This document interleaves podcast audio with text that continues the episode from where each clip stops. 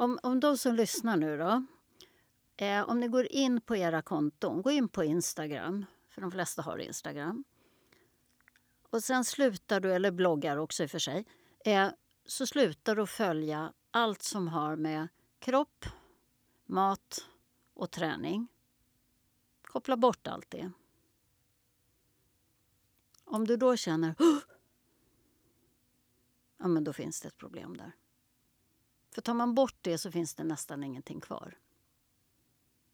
Och man kan inte vara utan det där.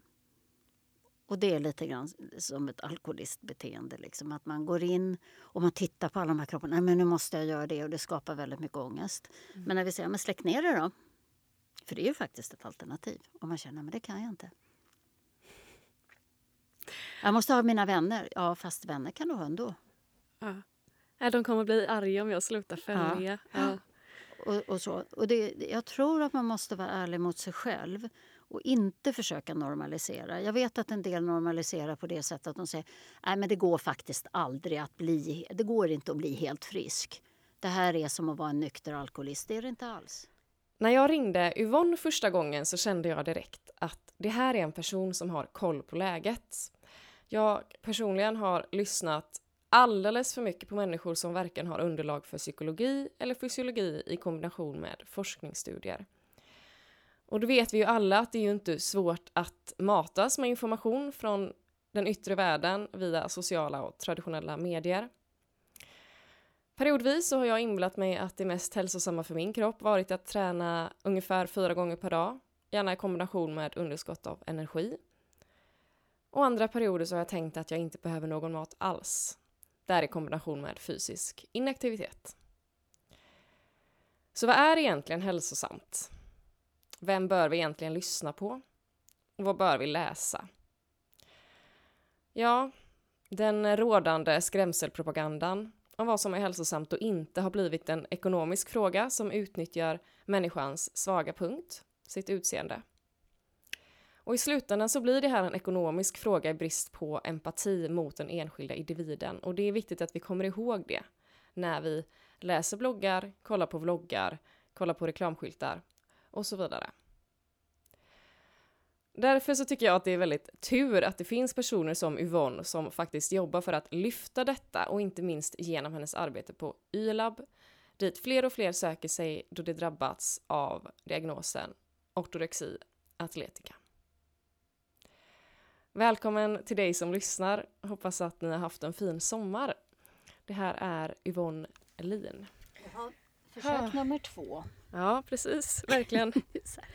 är det här bra avstånd? Ja, Eller är det, nära? det låter bra för mig. Låter mm. min för hög? Nej, det låter jättebra. Ja, toppen. Ja, men försök nummer två. Där satte du ord på någonting. För mm. att eh, vi hade ju ett eh, samtal här för några veckor sedan. Mm.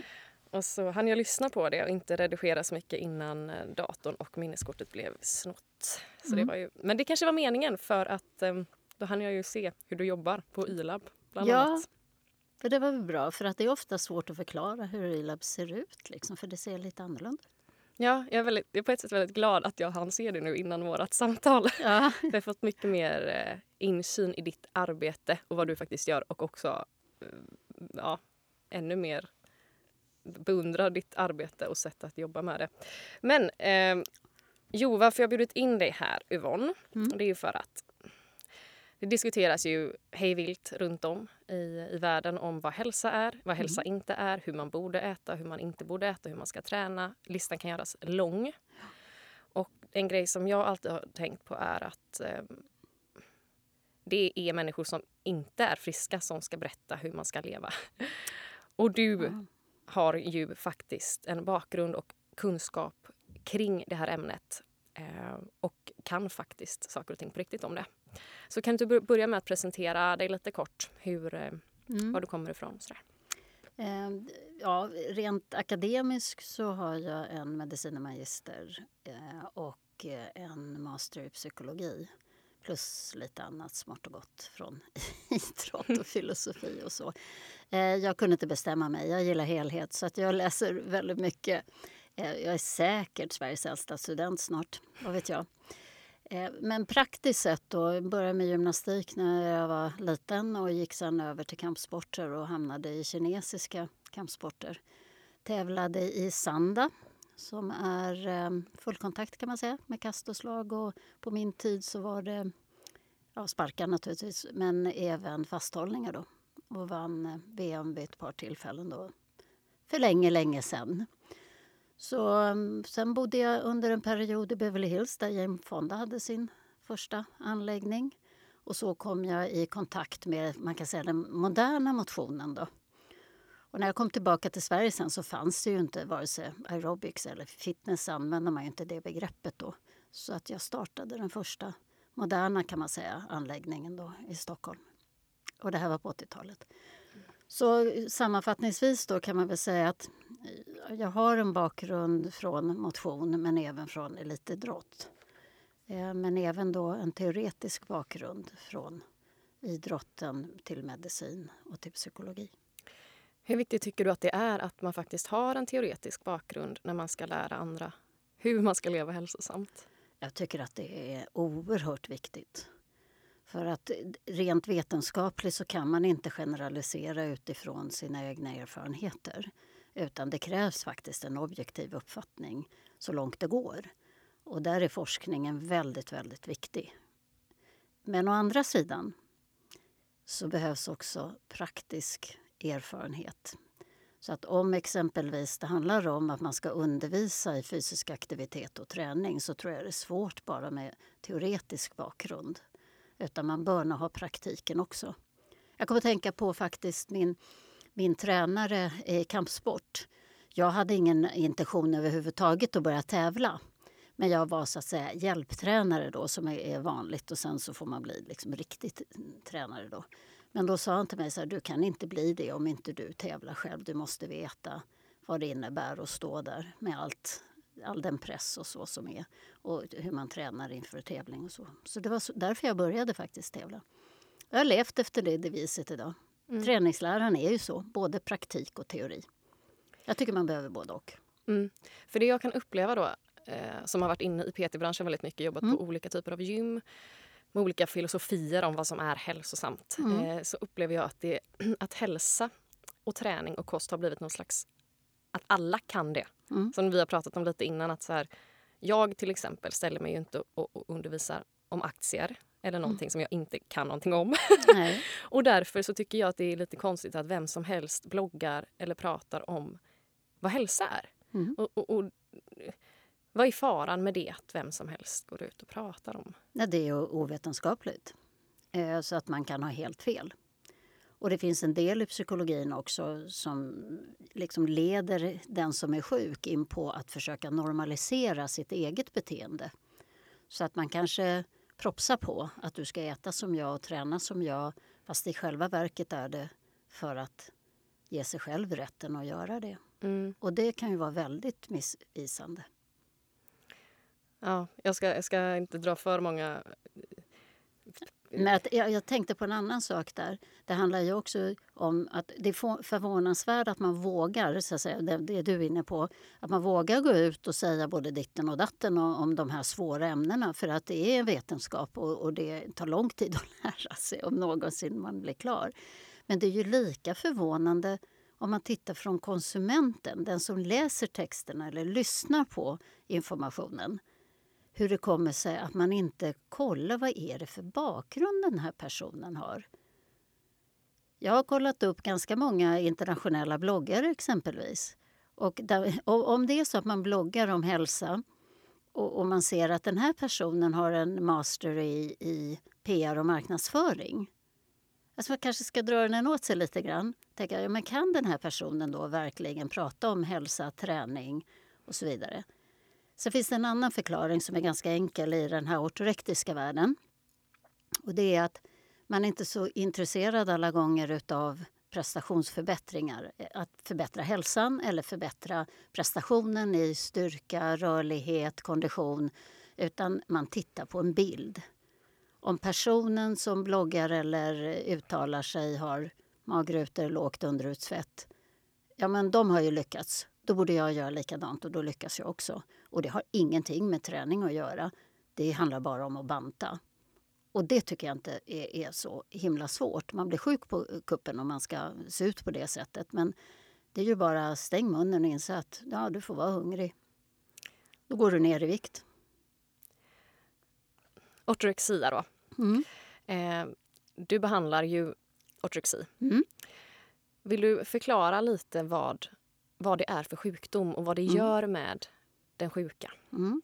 Det är ett tillstånd som man drabbas av och eh, ofrivilligt för många för att man tror att man ska äta och träna i ett sunt perspektiv men det övergår i och eskalerar in i något osunt.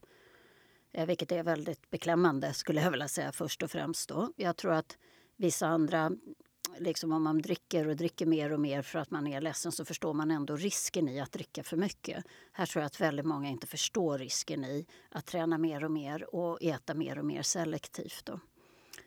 Så det, det, är en del i det hela. Men vad är det då, eh, liksom ortorexin från första början?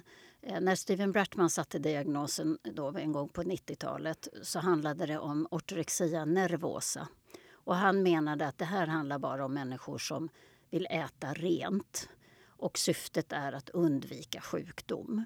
Det handlar alltså inte om några kroppsideal eller några dieter eller någonting sånt för att liksom gå ner i vikt eller se ut på ett visst sätt enligt Steven Bratman. Ortorexia atletica handlar däremot om att man är tvångsmässig i sin träning och man är fixerad vid nyttiga livsmedel det låter ju ganska bra. Kanske inte tvångsmässig träning, men det låter väl bra att man äter nyttigt och tränar ofta. I alla fall hos allmänheten så brukar man uppskatta det. Men problemet ligger inte där, utan problemet ligger i att jag kan inte äta det som jag tror är onyttigt. Och jag kan inte reducera min träningsintensitet, alltså hur hårt jag tränar eller hur ofta jag tränar eller hur länge jag tränar utan att få ångest. Vad händer rent fysiskt med kroppen? Vad får kroppen för skador? Oj. Eh, det är ju, dels så får man ju de här svältsymptomen som också är vanliga vid anorexia. Eh, för det, det, kroppen orkar helt enkelt inte utan energi. Så att man går ner först och främst i underhudsfett, vilket är syftet för många. Så, eh, men samtidigt då, skillnaden är att ortorektiker tränar ju ofta ganska hårt och det kan vara allt ifrån crossfit till vanlig gymträning men ofta med fria vikter och tunga vikter. Eh, eller man springer många lopp och så vidare. Så man belastar kroppen mycket, mycket hårdare än eh, den som har anorexia och promenerar. Och det här gör ju då att det blir större belastningar på själva kroppen, eller organismen om man ska säga vetenskapligt. Det låter jättetrist. Mm. Men i vilket fall som helst, dels så kan man då få mekaniska skador, det är ganska vanligt. Precis som anorexia, man kan bli benskör om man går med det lång tid. Men om man då tränar väldigt hårt så är ju risken för frakturer större. Eh, så det är ett problem. Det andra är att man får avvikande värden när det gäller njurar, lever. Sköldkörteln brukar gå ner i produktion. Sen de vanliga järnbrist, saltbrist och olika ja, det är EK-vitaminbrist exempelvis eftersom man eh, reducerar fett för mycket och kroppen har svårt att ta upp alla vitaminer. Då. Så att i min värld så ser jag sällan de som har så ohälsosamma värden som en ortorektiker. Och då är det ju makabert för att syftet är att vara hälsosam. Mm. Men man blir extremt ohälsosam istället. Mm. Och det här jag beskrev nu är ju bara fysiologiska skillnader då som, som blir, eller konsekvenser utav det här. Sen har vi de psykologiska och det är ju det som ofta gör att människor tar hjälp. För man mår väldigt dåligt psykiskt. Under ett tag så får man ju mycket uppskattning. Så där alla tycker åh du är så fin i kroppen och du har magrutor och rumpan är fast och allt vad det är för någonting man vill åstadkomma i, i kroppsutseende. Eh, och det peppar ju en att fortsätta. Men sen eh, när ångest, depression, tvångsmässighet det brukar vara samsjuklighet och även social isolering som kan leda till social fobi. Eh, det gör att det blir ett enormt lidande. Leder det ofta till social fobi och depression? Och... Ja, det gör det. För att om man, om man börjar med det sociala tillbakadragandet så i och med att man inför fler och fler restriktioner Alltså från början så kunde jag äta allting när som helst med vem som helst på vilken plats som helst. Sen helt plötsligt så kan jag inte det. För det känns jobbigt att äta med andra för jag känner mig iakttagen. Eh, det, det känns jobbigt att gå på restaurang för de har inte det jag vill. Jag har tröttnat på att säga kan jag få det där istället för det där och det vid sidan om och inte mm. så. Och man är en ganska jobbig gäst. Och det blir ju så bekvämt att säga att jag är glutenintolerant för att komma bort från alla kolhydrater och så. Men till slut så, så, klarar man inte av att gå på restaurang. Man kan inte gå hem till vänner för att vad kommer de att bjuda på? Det blir pinsamt och så vidare. När det gäller träningen, samma sak. Det går inte längre att träna när som helst och hur som helst utan den här morgonträningen måste jag göra. Och det, och det är likadant efter jobbet. Jag kanske måste träna då. Och de vänner man har då som säger men vill du hänga med på AV? Ska vi gå på bio? Nej, man säger nej. Man säger nej, nej, nej. Och till slut så försvinner ju de här vännerna. Men under tiden intalar man sig ja men det är ju härligt att sitta ensam hemma. Mm. Bara man uppnår den där kroppen och ja. magrutorna. Och det är, och, det är också det att den här måltiden, eftersom man faktiskt är i svält utan att man kanske tänker på det, eh, så blir det ju en helig tid att äta. Så då, då, vill man inte ha störande moment. Utan nu äntligen ska jag få äta. För att har jag bestämt att jag tvångsmässigt äter klockan ett, är min lunch säger vi varje dag. Och då måste jag äta den tiden. Om ja, det förfärliga inträffar då, men tänk om jag är hungrig klockan elva. Ja, det blir ett problem för den som är ortorektiker, men inte för mig. Mm. Om jag är hungrig klockan 11 då går jag ut i fikarummet och så tar jag en kaka eller en mandarin eller någonting och jag mår ganska bra. Mm. Du sätter ord på någonting där som jag tror är väldigt eh, väsentligt i, i alla typer av missbruk, kanske framförallt mm. ätstörningar och mm. ortorexi. Mm.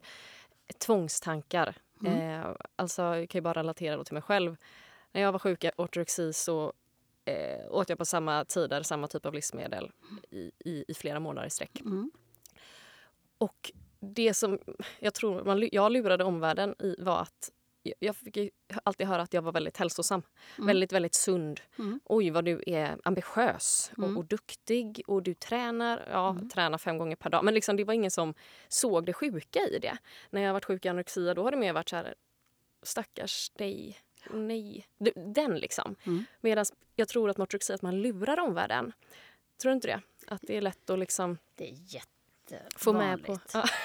det för att just det här också, inte bara att man lurar omvärlden, man manipulerar även med sig själv. Man lurar sig själv också. Mm. För att man tänker, ja men jag måste äta gröt på morgonen med torkad frukt för att jag måste stå mig. Mm. För just det här, jag vill inte bli hungrig på fel tid. Mm. Okej, ja men stå dig, varför då?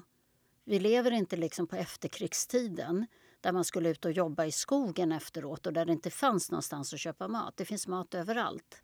Så varför ska man stå sig? Men det där är ett typiskt ortorektiskt mm. Eh, uttryck. Eh, och det här att man då håller fasta tider, det uppfattar ju eh, omgivningen som att man är väldigt disciplinerad. Och det är också det man säger till sig själv, att man är disciplinerad, jag vill ha kontroll. Men det, det stämmer faktiskt inte. För det där är en självmanipulering. Man vill inte ha kontroll. Man är livrädd för att tappa kontrollen. Man är livrädd för att om jag ruckar på de här tiderna eller jag äter någonting som är förbjudet så kanske det går överstyr. Jag kanske börjar hetsäta, jag kanske inte kan kontrollera mig. För suget är ju väldigt starkt eftersom jag är på energiunderskott hela tiden. För att inte tala om om jag har uteslutit kolhydrater, vilket många gör. Då skriker ju kroppen efter socker. Och då går man och köper en bok om sockerberoende. Ja, men det är så galet. Det finns inte... Alltså man, man har gjort metaanalyser exempelvis på sockerberoende då, just på den termen. Och metaanalyser betyder att man sammanställer den vetenskapliga forskning som finns på ämnet. Och slutsatsen blev att man avråder alla, både allmänhet och, och vetenskap och medicin att använda ordet sockerberoende eftersom det inte är bevisat att det överhuvudtaget finns. En annan del som kan vara intressant att höra för alla som är livrädda nu för socker det är att eh, USA eh, är ju lite föregångsland. Liksom, de har ju börjat tidigare än oss och vi följer ju hack i häl. Men deras sockerkonsumtion har ju då inte ökat i samma takt som övervikten har ökat i USA. det var parallellt, parallell utveckling kan man säga till en början. Men sen tvärvände det och sockerkonsumtionen har gått ner i USA. Den gick ner för 18 år sedan. Så att om socker är boven till övervikt då stämmer inte det riktigt. Det finns flera olika orsaker till övervikt men den absolut starkaste orsaken är att man får i sig för mycket kalorier. Det är den stora orsaken till det. Och däremot eh, inte liksom enskilda livsmedel. Det har inte så stor betydelse. Det gäller att skilja på energi och näring skulle jag vilja säga. Ja, för vad, vad händer när vi utesluter så många livsmedel? Mm. Det går ju ofta i viss procedur kan man säga. Det brukar börja med att man utesluter lördagsgodis, eller vad säger jag, tvärtom. Man utesluter godis och kanske unnar sig, ett annat ortorektiskt uttryck, jag unnar mig på lördagar exempelvis. Men det där unnar brukar gå över i nästan rena rama hetsätningen efteråt. Eh, men det, så brukar det börja. Och sen försvinner liksom kakor och, och bakelser och allt som man anser har något sött i.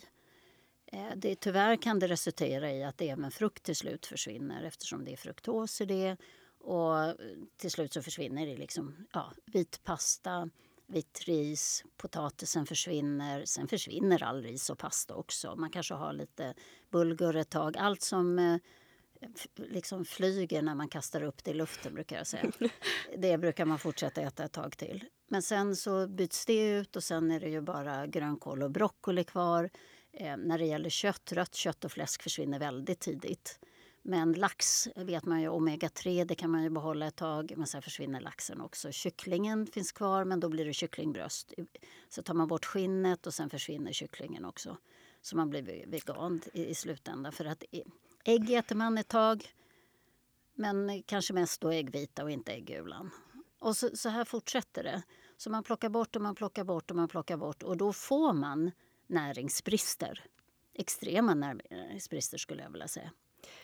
För att inte gå in på alla ämnen, men mm. ändå till exempel kolhydrater. Mm. Är det mm. inte så att hjärnan bara går runt på kolhydrater? Jo, alltså hjärnan behöver glukos och, och det är ju en nedbruten produkt då, av kolhydrater. Eh, och jag menar, det är livsnödvändigt. Så, så det är så här, får man akut eller liksom svält, får man en svälthjärna med brister på, på glukos så kan man ju förstå att funktionerna måste bli sämre. Allt, ifrån som styr, allt styrs ju från hjärnan. Så det är inte bara motorik och reflexer och, och så som, som blir försämrat utan det handlar ju även om beslutsfattande förmåga, det här att byta, alltså task shifting, att man byter fokus exempelvis, går från en uppgift till nästa. Simultankapacitet, den blir sämre. Och, och liksom det här med att, fatta, att man blir sämre på att fatta beslut vet många.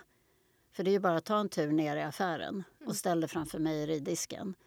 Och så får du två val. Turkisk yoghurt eller sötad yoghurt. Knepigt. Turkisk, mycket fett. Mm. Smaksatt, mycket socker. Men det finns en lösning för ortorektikern. Jag tar inget. Så försvinner liksom... Gluten har kanske försvunnit, laktosprodukter försvinner. Ja, och hälsan försvinner också. Sen kan man ju diskutera det här med kolhydrater och utifrån träningsperspektiv. Och det är... Vi behöver kolhydrater för alla uthållighetsgrenar, definitivt. Är det inte så att vi behöver i princip alla livsmedel för att nå vårt ultimata, bästa jag. Mm. vad man säger. Kanske inte alla livsmedel, men Ehm, det man kan säga är att det är ingen skillnad sen tidigare. Vi behöver kolhydrater, fett och proteiner och i tillägg till det vitaminer och mineraler. Och eh, det här är ju det man ruckar så kraftigt när man har ortorexia atletica. För det är också så att man gör av med väldigt mycket energi och man skapar ohälsosamma fysiologiska tillstånd så att säga, i kroppen. Då. Så att, eh, du har ju rätt i det du säger. Det behöver vara variation och det behöver vara en blandning. Och varför, varför inser man inte det? det? Jag tycker det är lite märkligt ibland att det bara går förbi. För att om jag ska säga så här, det är jättebra att träna och man bör träna regelbundet. Så om du tränar tre, fyra dagar i veckan så är det toppen. Eh, du tränar en timme varje gång. Eh, du ska bara göra knäböj med skivstång. En timme, fyra gånger i veckan. Jag är ganska säker på att du, du kommer att bli överbelastad. För att det ensidiga rörelse vet man att det leder till slitage, det leder till överbelastning. Mm. Hur kommer det sig att man inte förstår att ensidig kost också har sina konsekvenser? Kroppen vill ha variation, både när det gäller träning och när det gäller mat. Nu när du pratar om det här så, så är det en tanke som slår mig. Jag tänker på att varför man drabbas av vilken, vilken, vilken typ av ätstörning man drabbas av. Mm. Eh, jag tänker till exempel anorexia då. Då är det många som säger, och jag själv har sagt att när man liksom har svultit sig själv så mycket så att man inte bryr sig. Alltså om mm. folk säger att du kommer ju dö om du fortsätter sådär. Man bara, det, ingen blir gladare än jag. Eller du vet mm. att man är så här, ja men jag vill ju, jag vill ju kanske inte leva då. Mm. Och då tänker jag på det här med ortodoxi. Eh, det blir så konstigt för då säger man ju att man vill vara hälsosam mm. samtidigt som man i princip dödar sin kropp. Mm. Det är det som jag tänker är skillnaden på till exempel anorexi och ortorexi. Ja. Alltså det är väldigt... Vad är missförståndet där? Det, blir... ja, det är nog precis det som du säger. Ja. Att Anorexian är tydlig att jag svälter. Mm. Medvetet. Jag tar bort fett i första hand för att det är kaloritätt och då kommer jag ner i energiintag. Och, och, jag menar, man är ju petig med maten också som anorektiker. Men syftet är att svälta och gå ner i vikt. Den är väldigt tydlig.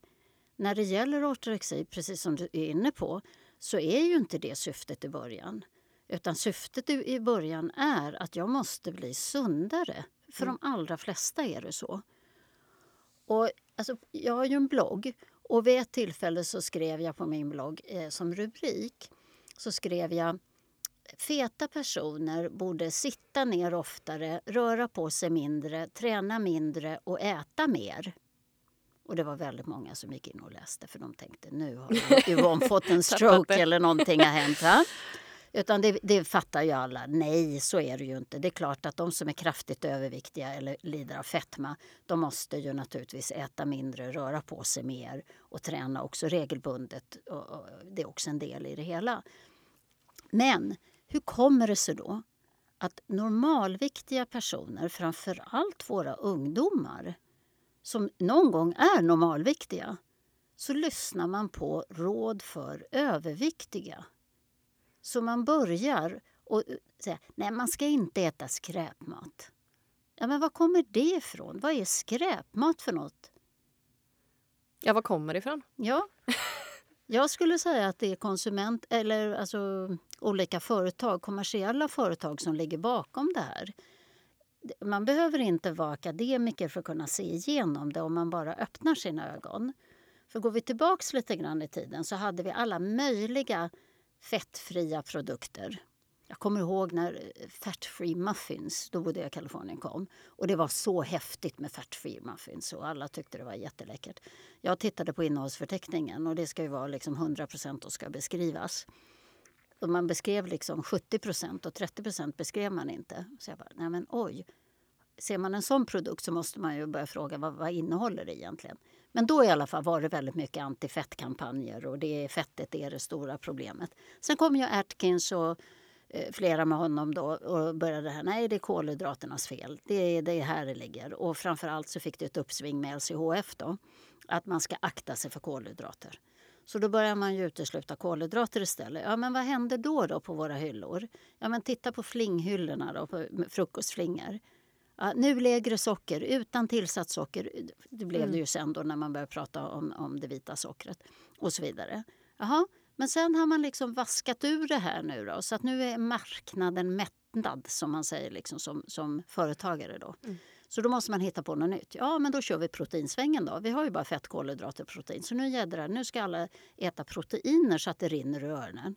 Nu är det kvarg till mm. förbaskelse. Och det är ProPud och, vad heter ProPud och det är proteinkorvar och det är proteinbars. Och, jag menar, det här är ett problem. Mm. Ortorektiker överdoserar proteiner och, och, och liksom underäter fett och kolhydrater. Och det är en dålig kombination, särskilt för oss som tränar. Leder det till eh, eh, IBS oftast?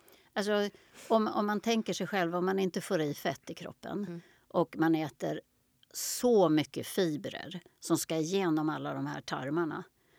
Du har ingen smörjmedel. Det är jättevanligt med IBS. Mm, jag tycker de flesta säger det nu för tiden, att jag har fått IBS. Alltså jag mm. hör det liksom flera mm. gånger per dag. Så man bara, har alla IBS nu för tiden? Jag tänker att det beror på att vi utesluter 90% av våra livsmedel. Ja. Alltså jag tror att det finns ett samband, men det är bara min personliga tro mm. och observation efter... Det är 18 år nu som jag har jobbat med ortorexibehandling. Och jag tycker mig se att det finns ett samband, men som sagt, vi har inte publicerat studier än. Eh, det är på gång. Så vi får se. Men, men helt rätt, visst hänger det ihop till någon del med maten. Och, och igen så kan man ju gå bakom det och säga, men vad hänger maten ihop med då? Ja, men det hänger ju ihop med att vi har förändrat vårt liksom, beteende. För vi, det är våra händer som väljer vilken mat vi ska äta. Ja, men vad fick beteendet att ändra då? Jo, men det är våra tankar. Ja, men vem förankrade såna tankar? Ja, men då har vi den kommersiella världen. Det är påtryckningar som aldrig förr idag på just det här som du inledde med, vad vi ska äta eller snarare vad vi inte ska äta. Och påtryckningar om det här att vi absolut inte får, får låta bli att vara aktiva. Allt ska vara en värdeskapande tid. Jag mm. kan inte vila. Ja, men inte det ett värde i att vila? Igen, alla vi som, som jobbar på YLAB kommer från elitidrotten. Eh, det är en helig grundregel som finns i alla träningslärarböcker. Belastning, återhämtning. Du ska belasta kroppen och du får öka belastningen om du vill förbättra din prestation. Men du måste också återhämta dig. Och där ligger äta, sova, få ortorektiker Och sen så handlar det om att avhålla sig då från träning, att få en återhämtning. Men ortorexiatleter ser inte ut så. Det börjar kanske med tre träningspass i veckan men det slutar med sju dagar i veckan och flera timmar om dagen.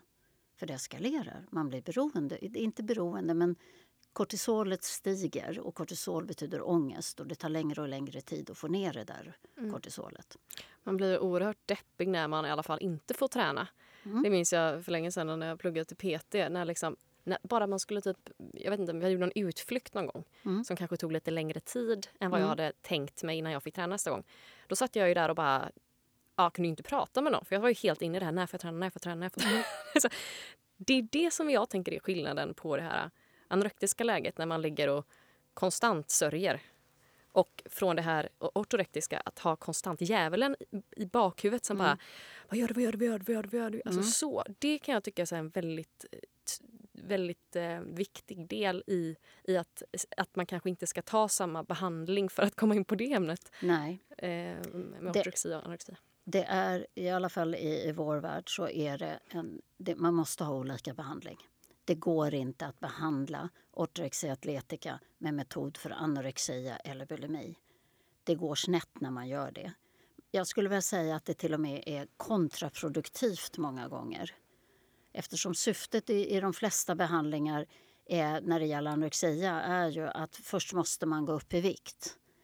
Och eh, i de, i de flesta fallen så har man inte terapi under den tiden utan man måste först gå upp i vikt och sen kan man börja jobba liksom med, med terapi. Då. Eh, men om, om man sätter en, en ortorektiker på det här som inte bara är rädd för att äta för mycket utan man är rädd för att äta för liksom, rucka tiderna. Man är rädd för inaktiviteten, man är, är rädd för att äta olika ofta gång, eh, alltså antal gånger. Man är rädd för att träna annorlunda och nu får man inte träna alls. Det ger en fruktansvärd ångest för ortorektiker.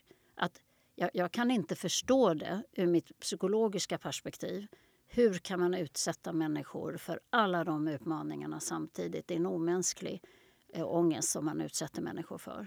Det kan inte göras på det sättet. Det är faktiskt min fasta övertygelse efter alla de här åren. Det är ett annat fenomen. Och det är också så här att det vi ser idag, det är också intressant. Det bör vara olika behandlingar för män och kvinnor. Bra att du nämner det, för att jag tänkte faktiskt fråga dig om skillnaden eh, på män och kvinnor med mm. ätstörning eller med ortorexia. Mm. Vad är de största skillnaderna? Alltså rent generellt eh, så kan man väl säga att killar har en benägenhet att köra ganska hårt. De kör ner sig ganska långt ner i botten. Vi har många killar som kommer till oss. Då har de mindre, alltså 1 fett kvar i kroppen. Eh, och då har man ah, extremt shit. stor påverkan både på, på det fysiska och det psykiska. Så, så det tycker jag är den stora skillnaden. För att ju lägre ner man går, inte bara i vikt utan i de här absurda uppläggen och i den här hårda träningen, desto större konsekvenser får det. Sen, jag menar inom socialpsykologin så pratar man ju ibland i alla fall om att det finns fortfarande lite genusskillnader då, som kanske är sociala konstruktioner men att kvinnor har lite lättare för att lyfta fram sina känslor och säga att ja, men jag är deprimerad, jag, jag mår inget bra, jag är rädd och så vidare. Eh, och män kanske har, det tar lite längre tid för dem. Det kanske är lite mer skämmigt. Det finns någon slags mansroll kvar, att man ska vara stor och stark.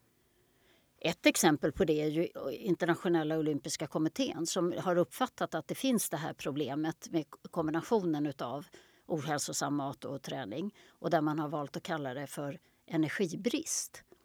För att det inte ska låta så sjukligt. För att mm. Eh, manliga idrottare då inte vill identifiera sig med ätstörningar. Och jag förstår hur man tänker men det är ju samtidigt väldigt beklagligt att en sån här svår tillstånd som det här är med ett otroligt lidande att man ska kalla det för att du har energibrist. Mm. För det låter ju som att, ja men ät då. Mm. Och vi har ändå det problemet med anhöriga många gånger. Som... Frustrerade föräldrar, frustrerade anhöriga som, som ser att personen är ortorektisk till en början, magrutor och muskelvolym och allt det här och sen börjar liksom gå ner mer och mer och blir mer och mer besatt. Och som säger det, men ät då! Hur svårt kan det vara? Ja, Vore det så enkelt så, så hade vi inte haft någonting att jobba med. Men just nu är det fullt. Mm. Det är otroligt många som söker hjälp idag. Från, och vi har ju de som reser inte bara från landet utan även från andra länder. Vill du berätta lite om YLAB? Jag var ju faktiskt där mm. nu då för typ en vecka sedan. Eh, och eh, jag blev så rörd för att jag hade verkligen önskat att jag visste vad det var för typ fem år sedan. Eh, mm. jag hade verkligen mm. behövt det. Liksom. Och jag rekommenderar alla som känner en besatthet av träning och hälsa då, mm. att, gå, att, att faktiskt eh, eh, kontakta er. För att det var någon, någonting helt annat mm. än, eh, än att gå in på ett eh, vad ska man säga, hetsigt gym med eh, liksom, ja. musik och, och, och, och mm. vikter som kastas hit och dit. Liksom, här var ju det var som att komma in på ett spa lite, mm. fick mm. jag känslan. Mm. Eh, la märke till att eh, det var inte så mycket speglar. Eh, och det var liksom lugn musik, tavlor i taken. Och det var väldigt sådär behagligt att komma dit. Mm. Du vet, biceps vet inte om det spelas musik eller hur miljön ser ut. Det går att träna hur hårt som helst. Ja, Man det är klart. Det, men det är trender. Men det var i alla fall... För mig kändes det som att det var ett väldigt fint ställe. Eh, och eh, i alla fall då gjorde jag en sån här bodpod-mätning då mm. när man skulle mäta olika ja, men fettprocent i sin kropp mm. bland annat för att få faktiska resultat på sin hälsa.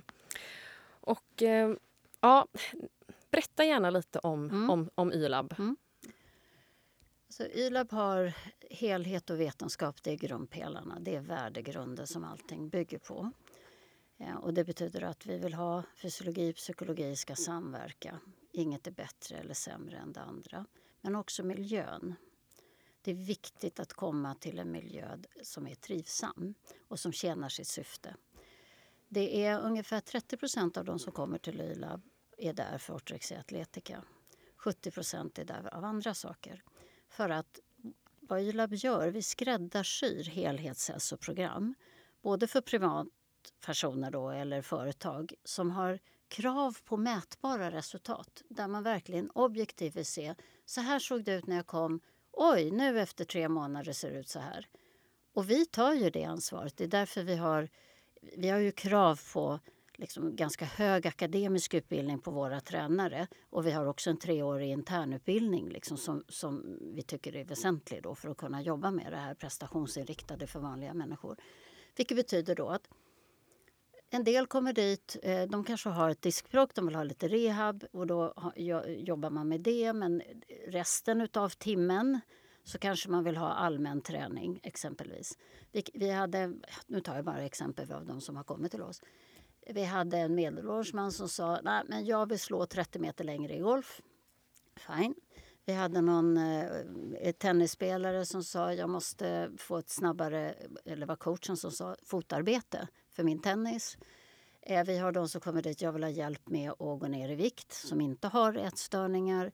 Vi har de som, nej men nu ska jag göra en svår operation här och jag är jättestressad inför den. Jag behöver hjälp inför den prestationen exempelvis.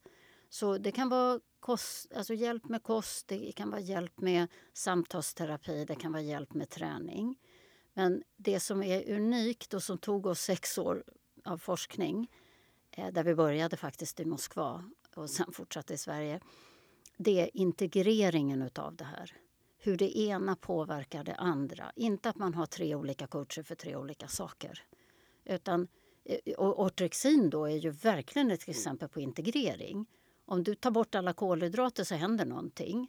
Eh, och om du tar bort energi så händer någonting annat. Och tar du, liksom, ökar du proteinerna så händer något tredje.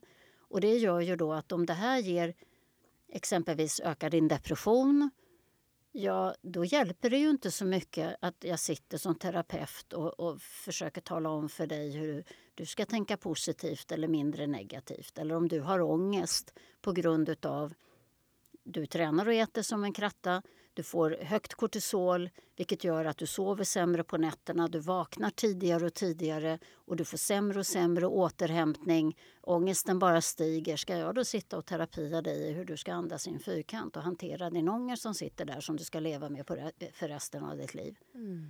Nej, det ska Nej. man inte. Det som går att ta bort ska bort. Man ska ha fokus på vad orsakar det här. Och det är lite grann det vi gillar på YLAB. Det är därför alla kommer från elitidrotten. Vi gillar det här svåra, komplexa, integrerade. Mm. Liksom, även andra personer som kommer som man har varit med om svåra olyckor som påverkar både psyke och kroppen. Och det är en integrering. Det är ju en utmaning. Och vi gillar utmaningar och vi säger inte att Åh, det var en kund som var så dåligt motiverad och därför gick det inte. Nej, det vill säga, ja, men då är det vi som brister. För det är vi som, som vet hur man bör göra. Det är vi som ska hjälpa till att motivera. Det är vi som ska hjälpa till att ge den kunskap som behövs för att kunden ska vilja fortsätta och för ortorexi våga fortsätta. Det är vårt jobb. Det våga måste fortsätta vi ta. träna menar du? Eller? Nej, utan våga fortsätta behandling. Ja. För att jag, jag, på de här åren, de som jag har träffat, de som inte vill göra något åt det, de kommer ju inte. Men det finns många då som väntar. Man hör talas om YLAB. Jag tar det sen. Ja, men tänk om inte, jag kanske inte är tillräckligt sjuk. De kanske inte tar emot mig. Och så fortsätter man något år till och så blir man ännu sjukare. Men de flesta som kommer, jag kan väl säga att de vill inte vara sjuka. Man mm. vill helst, kan du ta bort alla tankar och allt det här liksom psykiska som gör ont. Men rör inte min mat och träning. Ja, men det kommer inte gå. Mm. Utan man måste göra det, men absolut inte genom träningsförbud och ta bort liksom, och sätta igång och äta sex gånger om dagen. Det går inte. Så att man vill bli av med, med problemen. Sen, sen är nästa steg att ja, fast det kan inte vara fokus. Jag vill bli av med det sjuka. Utan fokus måste ju ändå vara jag vill söka det friska. Och för det behöver man hjälp. Så att, att jag vill inte vara sjuk. Alla håller med om det. Jag vill bli frisk.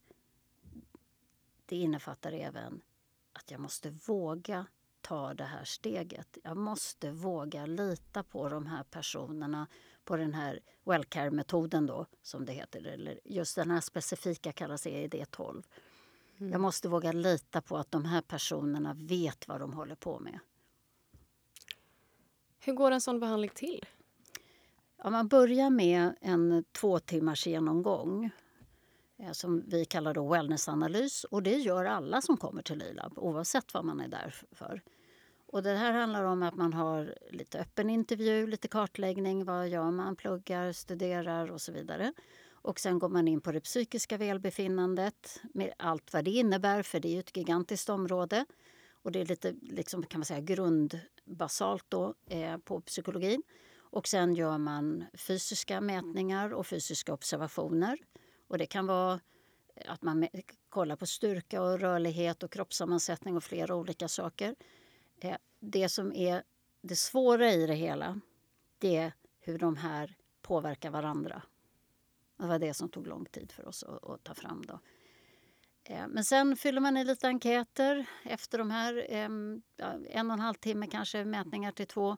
Och så fyller man i enkäter, ytterligare frågor och naturligtvis då fördjupning just inom ortorexiatletika om det har kommit fram. Fördjupning inom depression och ångest och så om det kommer fram andra saker. Eh, och sen kommer man tillbaks på en timmes genomgång. Och då går vi igenom tillsammans. Då tittar man rent objektivt. Så här ser dina värden ut. 1, 2, 3, 4 så går man igenom allting. Och så förklarar vi. Det här är bra. Det här är dåligt. Det här är jätteilla. Det här är superbra. För vi mäter både det positiva och det negativa. Och så får man en helhetsbild över, okej okay, det här är status. Det är ingen tävling, det är status. För oss som jobbar med det, vi måste veta, här är alla värdena vi börjar. De här värdena ska bli bättre. Så sätter man mål och delmål och får hjälp med det. Och sätta också tid. Tid eh, handlar mycket om var man bor någonstans. Om man bor långt ifrån måste resa. Eh, det handlar om ekonomi vid en privatklinik och så vidare. Men vårt kundlöfte är ju att vi vill att man ska må och prestera bättre. Och för det så behöver vi hjälpa till med ett program. Då måste programmet vara konstruerat på ett sånt sätt att det passar för den fysik och det psykiska välmående nivå som man har. Men det ska också anpassas till tid och ekonomi. Om vi lägger upp ett program som är så dyrt att man får ekonomisk stress, det kommer ju aldrig fungera. Mm. Så att vi har ju vissa då som, ja men det, världen är inte rättvis. En del har sin kassakista under sängen och, och man har råd. Och, men det kanske tar sex månader då. Men så är det inte för alla. Så man kanske får vara hos oss 12 månader eller ett och ett halvt år. Man fasar ut det så att man liksom tar det på längre tid. Det. Men det viktiga är ju hellre rätt behandling än fel behandling eller ingen behandling. Får alla som söker sig till er hjälp? Alltså får, får man en plats eller, eller, eller mm. är det fullt? Ibland? Nej. Nej. Eh, vi prioriterar den här gruppen. Eh, det är så här att YLAB eh, knoppades av 1994 från en utbildningsorganisation. Och utbildningarna har funnits sedan 80-talet. Så att vi, vi nyrekryterar när vi behöver personal. Vi vet hur vi ska rekrytera, vi vet hur vi ska vidareutbilda. Och vi har ganska många som inte går på 100 procent utan de går på 50 eller 75 procent av våra coacher och så vidare. Och då ökar vi deras arbetstid. Då går de in extra och, och jobbar när, när det är så.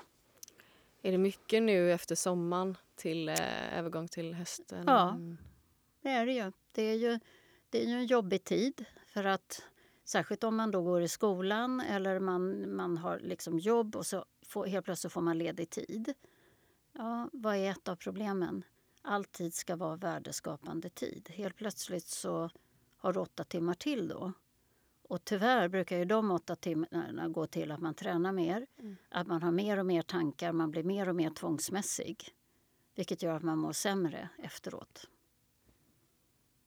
Det är samma sak med sjukskrivningar då, när man måste sjukskriva sig från skola eller från arbete. Eh, det finns det ju andra studier på som visar också att depressioner kan öka då om man är ja, Vad tycker du om hemma. det? Att man sjukskriver sig för... Det kanske är individuellt såklart, man kan inte generalisera det kanske. Men vad tycker du om det att man får till exempel eh, säger man sjukbidrag då när man mm. har en ätstörning och behöver vara hemma? Alltså, vissa är så dåligt skick att man måste vara hemma. Mm. Eh, men det, som sagt, eftersom depressioner och så kan förvärras och tvångsmässigheten också så är ju inte det vad vi rekommenderar. Utan vi försöker ju få ordning på liksom, kapaciteten då eh, så att man kommer upp i den nivå att man kan fortsätta med sitt arbete eller med sina studier. Det, är, det har varit svårare efter LCHF eftersom man behöver sitt glukos för att kunna fungera. och det gör ju att många går in i ett slags zombiestadie och då är det ganska svårt att klara sina studier. Man behöver mycket längre tid för att lära in saker för att minnet försämras. Koncentrationsförmågan försämras. Och då är man ju helt slut efter en skoldag. Mm. Och, men det är ju samma, vi har väl samma inställning med när det gäller exempelvis att medicinera. Eh, vi tycker att man ska medicinera när det inte finns något annat alternativ. Eh, exempelvis antidepressiva så tycker vi att det ska man göra, men det är inte första alternativet. För att om vi vet att okej, okay, vi försöker ändra kosten så att man får i sig lite mer tryptofan, att man får i sig det man behöver för att höja sinnesläget. Alltså hellre en banan än antidepressivt. Bananer ger inga biverkningar. Det är bara det att bananen ska in. Och för den som är då livrädd för en banan så måste man ta det etappvis. Men går det så avvaktar vi med mediciner. När det inte går då, då, då, måste man ta mediciner. Men då hjälper vi också till att sätta ut medicinerna sen och trappa ner när man är, mår bättre. Sjukvården skriver ut väldigt mycket medicin kan jag ju skriva under på själv mm. utan att man har fått sån här information av någon som faktiskt kan. Inte hur många olika typer av mediciner jag har fått utskrivet i år, mm. i år, i år inte i år, i åren, under åren. Mm. Eh, och äntligen liksom trappat ner på, på det. Men det har varit perioder där jag liksom har trott att det har varit enda lösningen istället mm. för till exempel en banan eller mm. sluta träna. Mm. Så jag tänkte att ja, sömntabletter och antidepressiva det, det mm. funkar bättre för mig. Det är liksom så. Och, och, och, och jag, jag tänker bara nu att det är så viktigt för människor där ute som har den här problematiken att lyssna på vad du säger nu. För att varför skulle vi hellre stoppa... Jag vet inte. Jag tycker bara det, ja, det går inte ihop med ortorexin att äta mediciner Nej. och farmakologiska saker. Eh, konstigt nog så kan man trycka i sig proteinpulver och liknande. Eh, det som är ännu mer, liksom, många gånger ovetenskapligt, och att, eller hälsoprodukter. Jag menar nu sist, jag menar de här yogahälsoprodukterna där, som innehåller arsenik. Liksom. Man, man vet inte vad man får i sig. Man köper under, över nätet massor med olika saker som man tror är hälsosamt. Men man kan inte ta antidepressivt som ändå är liksom beprövat. Vi vet vilka biverkningar det kan ge. Man tar hellre det som ingen vet vad det är för biverkningar. Det, det är lite kortsiktigt. Det är så lustigt när, för att återkoppla till det här att man vill vara så sund. Mm. Och så man förstör sig själv. Liksom. Ja. Och det blir så, dubbelt. Ja, det blir en jätteparadox liksom, paradox i det där. Att, att liksom, hälsosatsningar gör en ohälsosam. Det blir jättemärkligt. Vad är, vad är en, en hälsosam livsstil skulle du säga? Alltså en hälsosam livsstil är, när det gäller maten, det är att äta när man är hungrig och sluta när man är mätt. Och sen är man människa, vilket betyder att om jag är frisk och äter helst det som är gott har jag tre saker på en lunchmeny så tar jag det som är godast under förutsättning att det kostar lika mycket. Då. Eh, och då tycker jag det är ett hälsotecken. Att nej men jag väljer det som är, är godast, eh, som jag känner för. Eh, att jag kan göra det. Mm. Jag har valmöjligheter. Finns det tio saker så kommer jag utesluta det som jag inte tycker om. Men det, av det jag tycker om så kan jag variera. Det är klart att jag en dag kanske äter något som är mer näringsriktigt. Eh, någon dag mer energi. Någon dag bara det jag tycker är gott. Men det är just den här variationen som är viktig. Jag kan välja. Jag, kan ta, jag var med, med dotter och son här på Wallmans eh, här, här i fredags. Okej, okay, det var ingen av oss som visste vad blir det för mat. Liksom. Det är flera rätter och det var både fisk och det var kött och det var ditten och datten. Och man äter det och det är klart att vissa tyckte man det här var gott och det här var jättegott. Och det där var sådär. Fast just nu den här gången var faktiskt allt åt gott. Så att kunna äta gott, det tror jag är ett hälsotecken. Vad är problemet då? Varför kan man inte göra det när man har? Nej, men du är ju livrädd för att det ska gå överstyr. För att äter du något som är gott så kanske du inte kan behärska dig. Ja, men du har försatt kroppen i en sån situation fysiologiskt. Det handlar inte om att du är korkad, odisciplinerad eller dum i huvudet och inte förstår bättre. Jag träffar inga såna personer. Jag, jag träffar synnerligen intelligenta personer. Och Det handlar om att om fysiologin är under isen så måste man rätta till den för att kunna tänka klart. Så hälsosamt är att kunna äta mer ibland, mindre ibland. Liksom att kunna, jag kan som idag, du såg ju själv.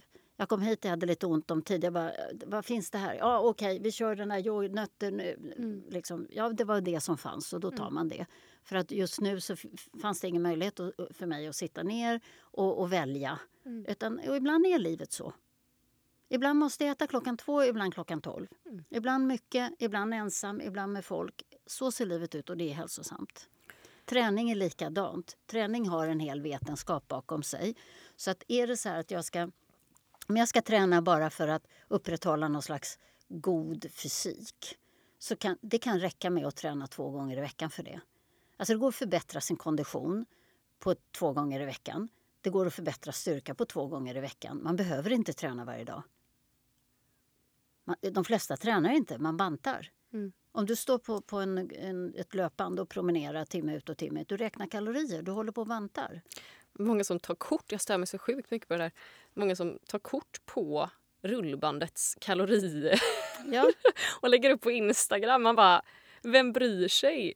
hur många kalorier du har bränt på ditt rullband? Jo, det är väldigt många som bryr sig. Ortorektiker inte minst bryr sig för att det blir en slags tävling. Jo, men jag vet. Jag, jag brydde mig ju då också. Jag menar bara det att det är störigt att man så här kollar världen hur många kalorier jag har bränt. Jag vet inte. Mm. Det är väl bara för att jag blir så jävla störd på det. Nej, men alltså jag tror att det är ett sundhetstecken att bli störd på det. Mm. För att det är faktiskt så. Träning per definition ska syfta till att göra någonting bättre eller möjligen bibehålla en kapacitet.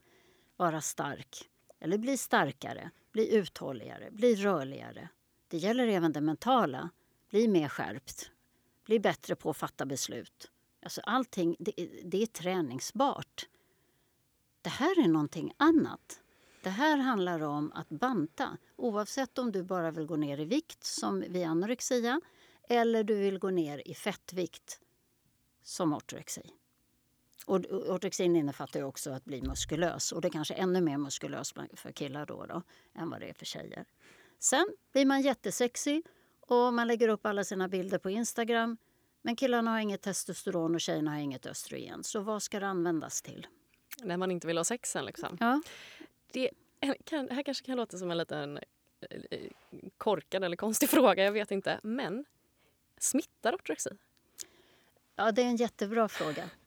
För att det gör ju inte det i den vanliga bemärkelsen som maginfluensa och så, att man tar i någon och Nej, så upp, kull, nu fick du ortorexi. Ja. Men eh, det, det, gör ju det för att vi blir påverkade av vad människor säger och vad människor gör. Vi är sociala varelser. De här vanliga inkörsportarna idag till, till ortorexin, det är eh, dels är det inom idrotten. Eh, det, från den dagen man kom på att jag är idrottare och jag äter inga kolhydrater så är det ganska många som har faktiskt blivit drabbade. Eh, när man börjar mörka det, att liksom, vi har många med det här problemet inom idrotten eller vissa högskolor där man håller på med idrott också, där man bara mörkar att det här problemet finns. Ja, det gör ju inte saken bättre att man låter politiken gå före människors hälsa, studenters hälsa. Jag tycker det är för jäkligt rent ut sagt. Så att, men det är en inkörsport i idrotten och då innefattar jag även liksom sådana utbildningar, då, idrottsutbildningar exempelvis. Eh, hälsopedagogutbildningar. Man söker sig ofta till de utbildningarna och då finns det en viss överrepresentation. Och precis som det finns inom dietistkåren en överrepresentation av ätstörningar. Då. Sen eh, den andra är ju naturligtvis viktindustrin då. De som läser tidningar, sociala medier, går på olika dieter men som kanske inte har något med idrott att göra och aldrig haft det. Man kommer inte liksom från idrotten. Så det är bantningsindustrin. Och det tredje spåret som är, väldigt omfattande det är ju fitness då, fitnessindustrin. Och det är väl samma sak där. Det gjordes en studie, det var Salgrenska som gjorde en studie, det är säkert 15 år sedan. Ja, 10 i alla fall. Jag är lite dålig på det, där med årtal, säger min man. Men det var länge sedan i alla fall. Och de konstaterade ju då att det var över 30% av gruppträningsinstruktörer som hade ätstörningar och så vidare. Men slutklämmen var ganska bra. Att det största problemet som fitnessindustrin har det är att de tror att de inte har något problem. Mm, just det. Och det är framförallt att väldigt många Eh, väldigt många låter ju lite diffus men det är tillräckligt många av personalen, alltså personliga tränare, eh, de som jobbar på anläggningarna som själva är ortorektiker och som tror man att man kan ge bra råd om man själv har ett problem som ortorexi. Det kan man inte. Jag säger samma sak till de som jobbar inom medicinen. Men det, ah, förlåt. Ja, jag tänker liksom sjuksyrror som sitter med livsstilsrådgivning och goda levnadsvanor som nu många måste göra inom eh, liksom, mm. sjukvården. Då. Det är inte alla som vill det, men de måste göra det idag. Ge sådana råd. Och, och är man själv drabbad så kan man inte ge bra råd. Däremot, jag tänkte på det, det ska jag faktiskt säga, när mm. du sa det här att man skriver ut mycket mediciner. Mm. För att lite grann vill jag ta läkare i försvar i, i just när det gäller det här. Mm. För att jag tror att vi, vi, vi ser inte hur illa det är i vår sjukvård. Vår sjukvård håller på att krackelerar. Alltså folk går på knäna. Det här sjuksyrror som skriker, det vet vi. Underskott liksom på... Vi har inte underskott på läkare eller sjuksköterskor. Det finns fullständigt tillräckligt med välutbildat folk. Men man vill inte jobba i vården. För att det är ingen bra arbetsmiljö. Och om en, en läkare har, i alla fall här i Stockholm, på en vårdcentral. Vårdcentralerna får ju bara mer och mer uppgifter. Och det låter så bra när politikerna säger det. Nu har vårdcentralerna den uppgiften. Ja, fast de har inte tiden. Och om en läkare har 15 minuter per patient där man ska lyssna på vad problemet är, man ska skriva en, en anamnes, liksom en bakgrundsbeskrivning. Man ska eventuellt göra en undersökning, man ska konstatera vad problemet är. Man ska eventuellt skriva ut då något recept. För vad ska man mer göra? Mm, nej, det, det är sant. Det är klart. Det, det finns inte liksom den tiden idag. Och det, jag tror att det är många som lämnar vården, framförallt sjuksköterskorna som har en vårdande ingång så att säga. Läkare ska rädda liv, det är liksom det primära för dem. De ska ju bota och lindra, men i första hand så ska de rädda liv. Eh, och en sjuksyrra då som ska ta hand, det handlar om omvårdnad som, som springer som en skållad råtta liksom genom mm. korridorerna och det är underbemannat. Eller som det har varit nu, de här stackars barnmorskorna under hela sommaren. De vill göra sitt bästa. Det är en fantastisk personal. Mm. Men det finns inte resurserna man bara skär ner. Vår välfärd håller på att skäras ner. Skär ner i regeringskansliet istället. Halvera lönerna för alla som, som, som sitter i riksdag och i regering. Den där sög. Jag tycker du är klok. Ingen som vill köpa det.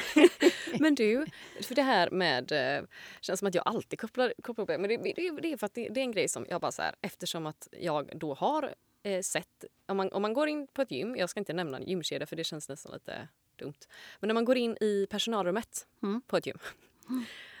Där står ju 90% och speglar sig och tar selfies. Mm. Och eh, har koffeintabletter, mm. Nocco, eh, ärtor. Mm. Eh, I don't know, jag kan inte prata för alla, men ja. Mm. Jag vet hur det ser ut i personalrummen. Mm. Så går de ut, eller man som Peter går ut till sin PT-kund och säger så här så här ska du äta, så här ska du inte äta. Vad har du för mål med din kropp? Och så kommer det en, en kund och säger nej jag har... Det här är ett exempel från en kompis. då. Hon kom till en PT och sa att nej jag har inga kroppsmål, jag vill bara träna för att må bra. Jag har fått barn precis, jag vill få lite starkare rygg bara, burit. Mm. PT bara, men har du inga mål med kroppen? Typ. Hon bara nej. Vilket ledde till att när hon hade haft den här PTn ett tag så, så inser hon att hon, hon sitter på jättemycket ångest nu och, och börjar tänka på kroppen och jag vet inte, det var därför jag frågade om det här med om det smittar. smittar. För att mm. där kommer det en PT som jag vet har mm. problem och gå till en person som inte hade de problemen. Mm.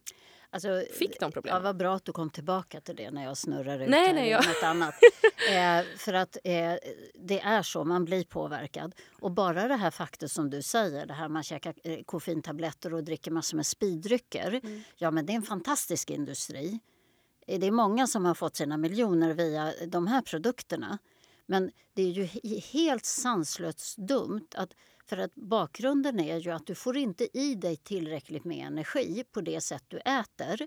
Alltså så spidar du kroppen istället med koffein så tror man att det inte är bra. Och det finns ju också otillåtna substanser som man handlar in över nätet eh, som innehåller efedrin och som bara trycker igång hela sköldkörteln mm. så den går på hög fart. Ja, men det är väl jättebra. Ökar ämnesomsättningen. Toppen. Alltså det, det är klart att om du har personliga tränare som liksom deras syfte är att forma kroppen på de som kommer in för att de flesta vill det. Och när någon då kommer och hamnar utanför det så blir de lite ställda. Vad ska jag nu göra? Mm. Så här var det ju inte tidigare. När, när personlig träning började, Yla var ju med och liksom hade personlig tränarutbildningar redan från tillsammans med PT-skolan var, var först och sen kom vi några månader efteråt. Och då handlade det om att utbilda folk i styrketräning. Det var liksom inget annat. Men sen började det komma med alla dieter och cardio och liksom det vidgades. Så det finns ju något som heter Svenska institutet för standardisering, SIS, SIS förkortar de. De tar hand om liksom nationella riktlinjer med alla olika yrkeskårer. Så att om man ska vara sjökapten, vad behöver man? Och, och, och sjukvården, sjuksyra. Man kan inte bara gå och kalla sig sjuksyra utan det, det, kräver en viss utbildning och så vidare. Och de sköter det här och de är ju helt objektiva, har ju ingenting med kommersiell verksamhet att göra. Vi tog kontakt med dem 2010-11 någon gång och frågade just vad finns det för riktlinjer inom friskvården? För sjukvården är väldigt hårt reglerad. Eh, och då sa han, det finns ingenting. Så vem som helst kan egentligen kalla sig då för PT eller det ena och det andra på den tiden? Ja. Så ja, det finns ingen skydd för konsumenten då? Mm. Nej. Så att om en konsument blir skadad, då, då finns det inget skydd? Nej. Och det här tyckte vi var förfärligt. Så vi, vi tillsammans med SIS då drog igång ett arbete. Nej, men det är klart det måste finnas någon slags minimikrav för personliga tränare. Då. Det här ska man kunna som lägst. Man får gärna kunna mer, men det här är det lägsta. Och då går man ut på hela liksom, marknaden. Tillverkare av maskiner och utrustning. Det är utbildare, det är folkhögskolor, högskolor, privata utbildare. Eh, det är anläggningar och så vidare. Alla ska bjudas in för det ska vara helt transparent. Det får inte vara liksom politik utan det ska vara transparent och det handlar om att man samlar branschen och tillsammans ska vi komma överens om vad som ska vara det grundläggande kravet på nationell nivå. Och det här drog vi igång eh, och, och då är det liksom organisationer då som säger nej men vi tänker inte vara med i det här. Vi kommer inte ställa oss bara, vi vill inte ha regler, vi gör som vi vill. Och jag har inga problem med att namnge vilka det var. Det här var då när vi drog igång vid den här tidpunkten. Det var ju bland annat Friskis och Svettis och Sats och det var mm. Eh, Peterskolan och det var The Academy och det var flera av de här stora som, som sa vi tänker inte ställa oss bakom. Man kan ju ställa sig frågan då varför inte då? Ekonomisk fråga eller? Som regel ja. Mm. Och man vill inte bli reglerad jag menar, om man tittar på... Eh, Sats var ju en gång i tiden sportsklubb och det fanns utbildningsorganisationen Safe. Och det var ju samma ägare, så då korsbefruktar man varann. Vi har bara licensierade och den andra säger vi anställer bara liksom licensierade och vi har hela Sats och så vidare. Det är mycket kommersiella tricks bakom. Men det, i alla fall, för en lång historia kort, alla måste vara överens i slutändan. Om en enda är emot, då blir det inga riktlinjer. Det här arbetet det tog tid eh, att göra det. Men eh, det blev konsensus.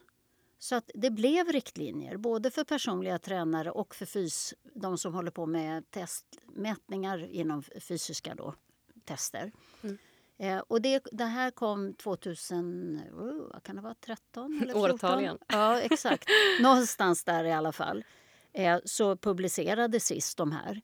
Och det är Konsumentverket som är tillsynsmyndighet. Och Konsumentverket kan alltså gå till ett gym och, och säga okej, okay, nu har det här hänt. Den här personen fick ätstörningar exempelvis, för det ingår i de här nationella riktlinjerna att de ska vara utbildade på det, inklusive ortorexi. Eh, och det, allt annat, anatomi och fysiologi och allt vad det är. Men det här är ju det vi pratar om nu då, mm. så att det finns också med där att det ska finnas en minimikunskap där. Eh, och då kan Konsumentverket Eh, som de sa på presskonferensen när någon från en utbildningsorganisation sa ah, ja, men nu har ni tagit fram de här riktlinjerna men vi väljer väl själva om vi vill följa det. Vad kan ni göra åt det? Då sa hon på Konsumentverket ja, jag kan stänga anläggningen om det är så. Och det har de faktiskt makt att göra. Eh, för mig är det viktiga att konsumenten vet att om det är som så att jag får liksom en skada när jag är och tränar på ett gym. Det, det är lättare att förstå, jag skadar mitt knä eller någonting sånt. Ja? Mm. Men även när det gäller det här så kan jag gå till Konsumentverket och få hjälp. Det är så alltså? Ja.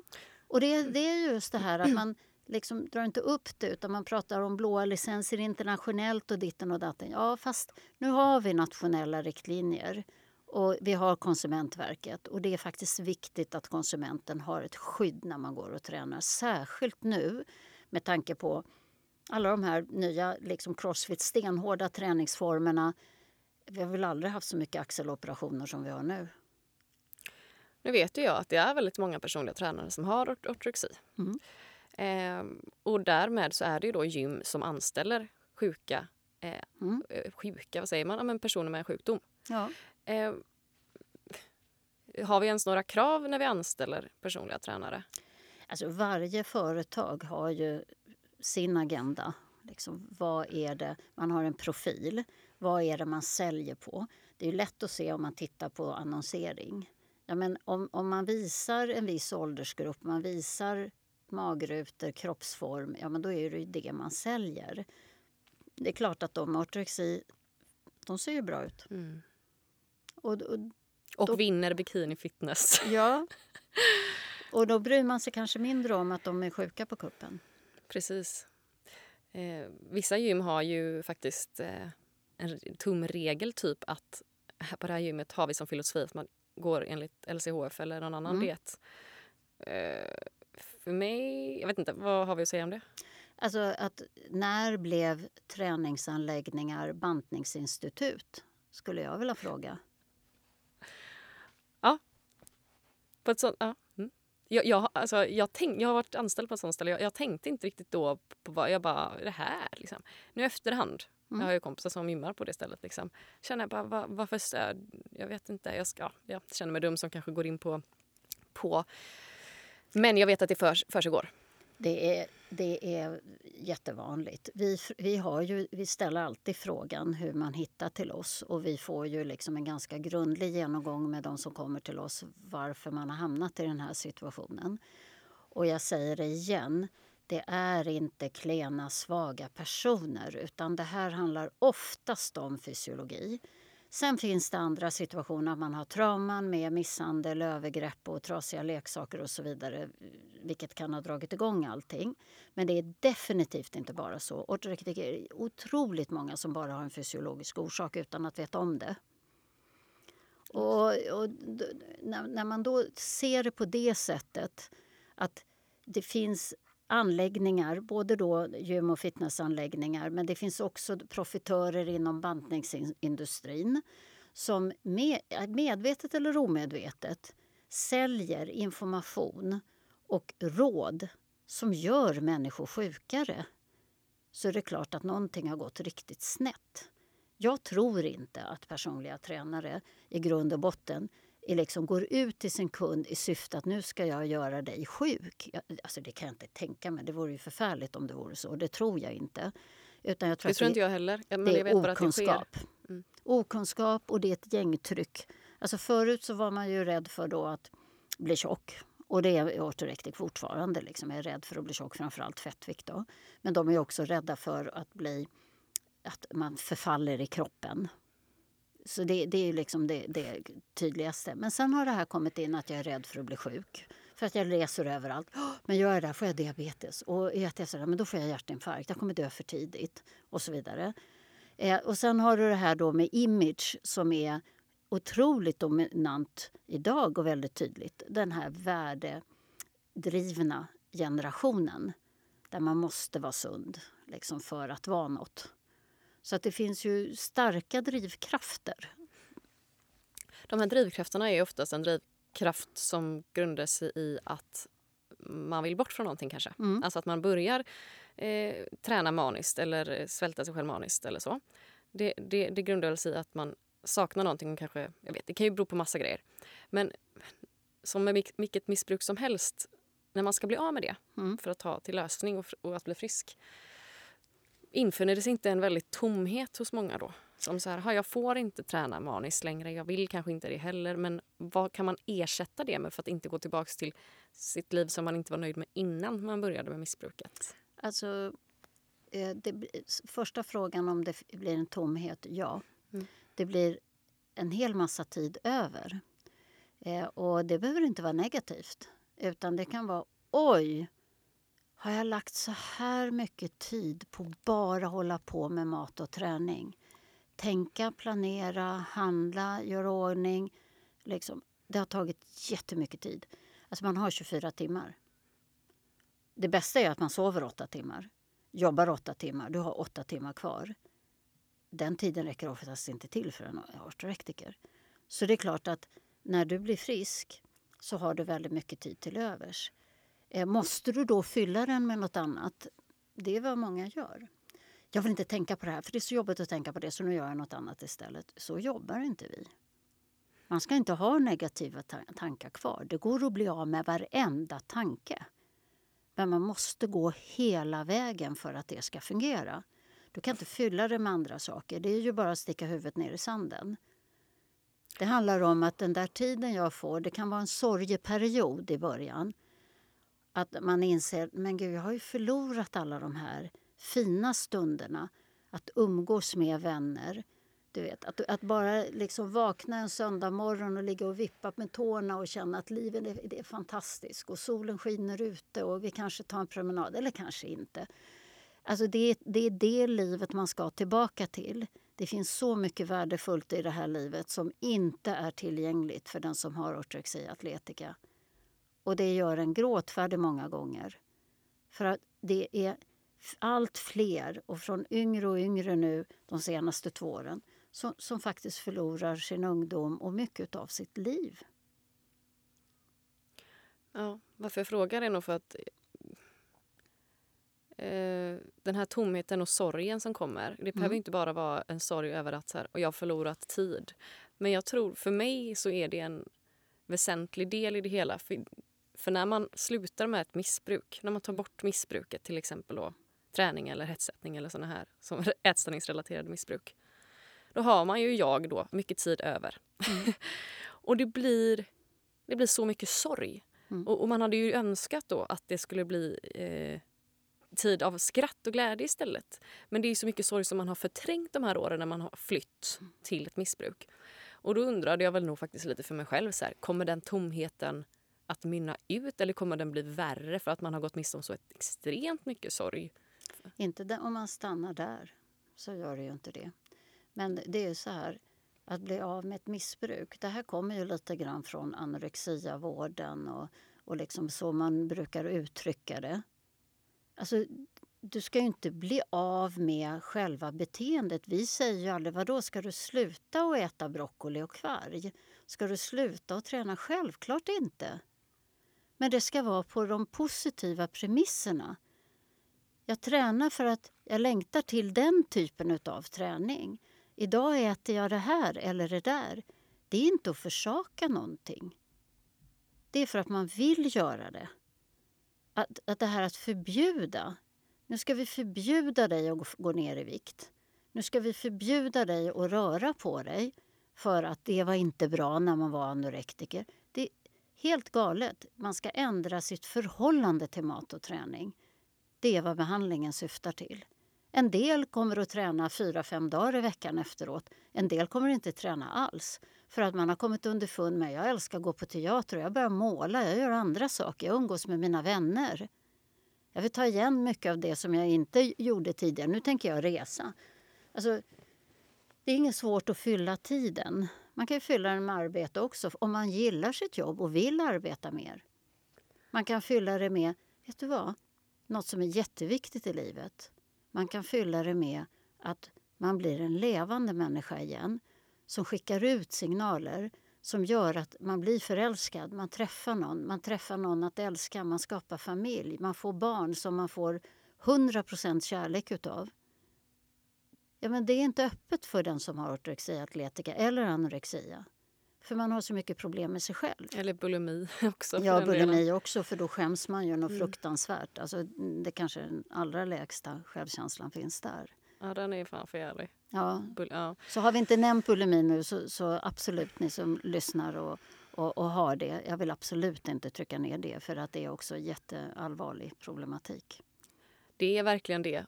Men det som du trycker på är att det är olika typer av ätstörningar och att man mm. inte kan dra det till så här, ja, ah, du har en ätstörning, that's it, då ska du gå till en behandling. Nej. Det är det som har blivit så fel. Ja. Och det där, du trycker på någonting väldigt viktigt där med att bli av med ett missbruk. Jag har ju alltid fått höra det.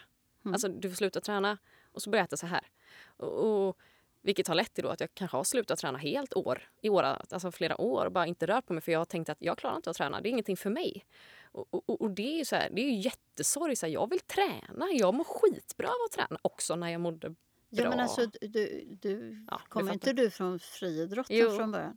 Jo, jag kommer från jättemycket idrott. Ja, alltså och, och, det är klart, ibland kan det vara lättare för att då har man någonstans ett minne av hur man packade sin väska och gick till idrotten bara för att det var så himla kul. Hur man gret ihop med kamrater där när det hade gått dåligt för laget eller bra eller vad det nu är för någonting. Man delar liksom förlust, framgång, motgång, allt vad det är för någonting. Eh, och kanske var den där bussresan som var roligare än själva tävlingen, vad vet jag. Men det finns liksom positiva minnen från det. Men när gick det över till att gå omkring och vandra som en vålnad bara för att göra av med kalorier och tro att man aldrig någonsin ska kunna träna igen? Det är klart att man kan, men däremot så tror jag inte om jag då, liksom, du nämnde det här med gym och så vidare då, och där du har varit och gå tillbaks till, till det stället med speglar på väggen och vara halvt avklädd och umgås med personer som räknar kalorier och där både Noccon och alla de här speeddryckerna finns att köpa och det är före och det är efter och Peten pratar om hur man ska liksom bli av med underhudsfett och få sina magrutor. Nej men det är klart att mm. då utsätter jag mig för något. Jag skulle ju inte rekommendera liksom en, en person som, som håller på att gå ner i vikt exempelvis för att man är överviktig. Ja, men man kanske inte ska jobba på, liksom runt buffébordet på vad vet jag, Finlandsbåten. Mm. Alltså det är dumt att utsätta sig för det. En alkoholist kanske inte ska jobba på Systembolaget, i alla fall inte under den tiden man går rehab. Så, så... Nej, det, det, det är ju det det är där man har fastnat i fällan. Liksom. Ja, ja. Nu ska jag börja träna hälsosamt. Då går man till gym istället och så kommer man från friidrottsanläggningen som var ja. skitkul. Och så bara, ja, det här var ju inte, det var inte bra. Nej, och det, så, det, det kan vara så på, på YLAB när man kommer till oss. Ja, men kommer man från friidrotten, ja, men alltså, du skulle träna saker som du känner igen. Mm. Eh, och kommer man från bollsport så tränar man något som hör ihop med det. De som kommer från fitness de får liksom eh, ofta en ny, ett nytt sätt att se på träning som är okänt för den som aldrig har varit i idrotten utan som bara har börjat inom fitnessindustrin. Eh, för att träning är inte något som jag borde träna nu. Ja, men det känns i alla fall bättre efteråt. Det är helt galet. Det är ingen bestraffning att träna. Det är en förmån att träna. Det är någonting som gör en gott och ska göra en gott. Men det gäller att få rätt vägledning till det. Man behöver inte bli elitidrottare. Men träning ska vara något positivt. Och, det är det där jag tror att det, finns tillkortakommanden också. Att eh, många gånger så försöker man koppla ihop friskvård och sjukvård. Så sjukvården tar hand om ätstörningen och sen ska man liksom slussas ut i friskvården. Men friskvården har inte riktigt kompetensen att kunna klara av hälsorelaterad träning. Alltså träning där det bevisligen är så att man vill förbättra hälsan det, det var ju YLABs kan man säga, huvudsyfte då. Jag åkte ju över till, jag var inbjuden till eh, universitetet för medicin och, och idrott i Moskva en gång i tiden. Och då eh, hade jag liksom efter alla år med, med liksom anläggningar och framförallt i USA, Jane Fonda, hela den här biten och, och alla som liksom började med, gå på dieter så hade jag frågor. Så när jag var där så gick jag ner till labbet och så frågade jag forskarna som var där. Hur tränar man för att förbättra hälsan? Och det här var elitsovjet. Så att de tittar ju på mig med jättestora ögon och så säger de Va? Jaha, finns det de som tränar utan att tävla? Jaha, varför gör man det? Det tyckte mm. de var jättemärkligt. Men det började där och då att vi liksom satte ihop en forskningsgrupp för att titta på ja, men vad är betyder egentligen. Ja, man bör Inte vara för svag, för då blir man ju sjuk och då får man ju ont och får överbelastningsproblem. Så det kan ju sjukvården ta hand om och, och fysioterapeuterna. Och om du ska vinna VM, ja, får du lyfta så här tungt. Om du är tyngdlyftare exempelvis. Det kan vi också. Så vi kan elit och vi kan rehab. Men där mittemellan då, Nisse från Manpower. Mm. Om jag är 60 eller om jag är 24. Alltså, det, det, tog oss sex år att få ihop det där. För att det fanns väldigt, väldigt lite. Och det finns, det finns ju betydligt mycket mer forskning idag men det finns ofta på folkhälsonivå. Där man säger generellt, du ska gå så här mycket och du ska inte du vet, sitta för mycket. Och det, och det där går liksom inte... Det är vetenskapligt fel att ta folkhälsorön och föra över på individnivå. Det går inte, det måste anpassas till individen. Mm. Men om man nu då är van vid att mat och träning och, och tankar kring hälsa lätt blir tvångsmässigt. Mm. Samma sak som att kanske en alkoholist då att alkohol mm. lätt blir för mycket. Eller så att mm. det, det rinner lätt över. Mm. Och man är liksom bara lite... Jag tror att jag skulle kunna hitta en jättehälsosam faktiskt, eh, balans just nu i livet. Jag, jag är mm. där. Men jag, jag är rädd för att tappa det. Jag är mm. liksom sådär, mm, vågar jag? För jag vill inte leva ett liv och vara sjuk. Alltså det finns Nej. inte på världskartan. Eh, är det en lång väg där tillbaks eller behöver man bara typ så här, skulle jag bara behöva gå till någon av er och bara så här, så här ska du träna. Så här ska... Mm. Tyvärr så, så funkar inte det riktigt så. Mm. Eh, det är en bra beskrivning på hur ortorexi skiljer sig. För att om, om du tänker eh, anorexia eller bulimi också kanske för den delen så, så jag måste hålla mina strikta matrutiner för tänk om det går överstyr. Tänk om jag börjar hetsäta. Det är ju en del av det. Du beskriver den andra delen. Ja, men tänk om jag börjar träna, tänk om det går överstyr. Ja. Och det ökar. Och det är för att du har den erfarenheten av det har du gjort. Samtidigt så sitter du här och vill inte tillbaka. Du är tillräckligt frisk för att förstå jag vill inte tillbaka till det hemska liv som jag hade med mm. alla de starka symptom och allt det lidande som det var. Så svaret på frågan är Eh, ja, alltså hur lång tid tar det? det? det? är individuellt. Men det tar definitivt inte lika lång tid som när man börjar ner från botten. Eh, men sen är det ju vad man behöver för att släppa på de här spärrarna. Mm. För att det är ju som så att om du har fått en behandling där man sa ja men det är träningsstopp, det är dåligt att träna. Ja men då har man ju också förstärkt det. Att nej, det är en risk med att träna. Mm. Nej, inte om du tränar på rätt sätt. Det här med att sätta ett program då, som var den andra frågan. Det är väldigt många som säger ja, jag vill ha ett matprogram eller du vet, kostupplägg eller träningsupplägg. Det vill man gärna ha direkt första dagen när man kommer på behandling. Ja, fast det är ju det som blir tvångsmässigt. Mm, det blir det. Så att det är inte så, utan man får ändra sin kunskapsbank, lära sig mer, integrera det, träna på ett annorlunda sätt äta på ett annorlunda sätt steg för steg. Vet, tiden det tar, mm. det spelar ingen roll. Huvudsaken är att det går framåt. Att sitta i limbo, det är inte lösningen. Och det som jag sa, ja, men det, det kanske är så. Man kanske kommer på bara terapi. Eller säg så här, man kanske har terapi varannan vecka om man har träning med en träningscoach varannan vecka. De pratar ju också. Mm. Det är mm. inte som så att de bara håller på och tränar. Eh, så man får liksom båda delarna i sig. Kanske man behöver göra tre månader kanske. Mm. Bara för att gissa. Vad kostar terapi hos er? Eh, ungefär som är på de allra vanligaste ställena. Jag tror att vår terapi, vår, vår träning... Äh, egentligen träningen är samma sak. För att om man går på ett gym och har en PT så betalar man först en årsavgift plus PT. Vi har ju inga årsavgifter utan det ligger på timkostnaden om man säger så istället. Då. Så att det är ungefär likvärdigt med, med gymvärlden och med terapivärlden. Mm. Men här kan man i alla fall vara säker på att det kommer från forskning. Ja, jo, men mm. det kan man. För att det, det är heligt, som jag sa, det är helhet och vetenskap. Så det är väldigt viktigt för oss. Och sen är det ju också det att vi har mätutrustning som man inte har på andra ställen. Jag satt i den där bodpod... Äh, ägget. Ägget, jag ska säga maskinen. För det kändes som att jag satt i ett rymdskepp. Ja.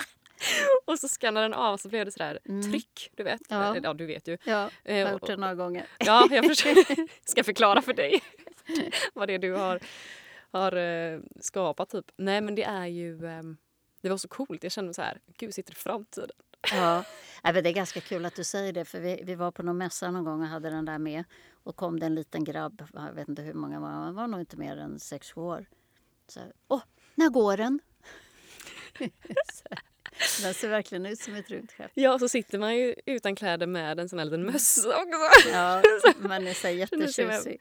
Verkligen sväva runt i vakuum typ. Men det är viktigt, ja. det är en av väldigt många, jag tror att vi har ett 90-tal olika variabler som vi tittar på. Men eh, kroppssammansättningsmätningen är extremt viktig för den talar om verkligheten. Mm. Det var eh. ganska skönt att få, nu gjorde jag bara mm. en korta undersökning. Ja. Det var skönt. Jo men alltså det är i alla fall objektivt för att man kan ju alltid misstro människor vilket man gör vid alla former av ätstörningar, så blir man ju lite paranoid. Så man tror, ja men det där förstår du, du kan ingenting om kost och träning, men det där mm. säger du bara för att vara snäll och så vidare. Ja. Men en maskin är ju en maskin liksom, och den är tillförlitlig. Precis. Och det är det som man också får höra om man typ har en ätstörning och kanske börjar plugga hälsa eller PT eller sådär. Då, får man oftast, då har jag alltid lurat folk för att så här, men jag kan saker. För jag har mm. pluggat till PT. ja. Men okej, okay, om man kollar på mina resultat. Nej, då kan jag, kan inte saker om jag, om jag ska etablera på mig själv. Mm. Förstår du? Jag kan ju förklara för någon annan. Så här går det till.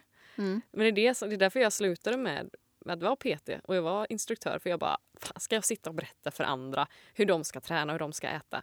Mm. Nej, jag, jag gör tvärtom. ja. själv. Nej, men, och det, det är ju ett tecken på att du är en ärlig person. Ja, men jag känner det här är så falskt, det är så falskt så ja. att jag håller på. Jag, jag, hörde mig själv, kommer ihåg, det här var ju fem år sedan typ. Jag hörde mig mm. själv, hade en, en kund satt och sa att det här är, det här är bra. och så bara gick jag hem och gjorde ju tvärtom. Ja. Jag kände det här, nej, jag säger upp mig idag. Alltså. Nej, det blir inte så trovärdigt om man säger så. nej, nej. Nej, utan det, vi brukar ju säga så här att många som kommer på behandlingar då som kanske har påbörjat hälsopedagogutbildningar, alltså längre utbildningar mm. och så, får ju förbereda sig på att när man blir frisk då att man kanske helt enkelt inte vill fortsätta. För att man valde utbildningen när man var sjuk och då sökte man många svar som man inte hade fått. Och så tänker man att det får jag ju om jag läser tre år här. Då kommer jag kunna allt om det här. Så då kan jag verkligen planera kost och träning på ett bra sätt. Ja, fast det är inte det som är problemet. Det är relationen till kost och träning. Mm. Och det är en otrolig resa i det här. Men det, jag kan säga att det är en positiv resa. Det är lite tufft i början, men sen är det en positiv resa när man börjar förstå hur saker och ting hänger ihop och veta, jaha, är det beroende på det? Jag tänkte att det var jag som var lite karaktärslös. Nej, det, det, man kan inte begära att alla människor ska kunna fysiologi och psykologi. Utan man följer den här sociala strömningen som är. Om, om de som lyssnar nu då. Eh, om ni går in på era konton, gå in på Instagram för de flesta har Instagram. Och sen slutar du, eller bloggar också i och för sig, eh, så slutar du följa allt som har med kropp, mat och träning. Koppla bort allt det. Om du då känner ja, men då finns det ett problem där. För tar man bort det så finns det nästan ingenting kvar. Och man kan inte vara utan det där. Och det är lite grann som ett alkoholistbeteende. Liksom. Att man går in och man tittar på alla de här kropparna. Nej, men nu måste jag göra det och det skapar väldigt mycket ångest. Mm. Men när vi säger, men släck ner det då. För det är ju faktiskt ett alternativ. Och man känner, men det kan jag inte. Jag måste ha mina vänner. Ja, fast vänner kan du ha ändå. Ja. de kommer bli arga om jag slutar följa. Ja. ja.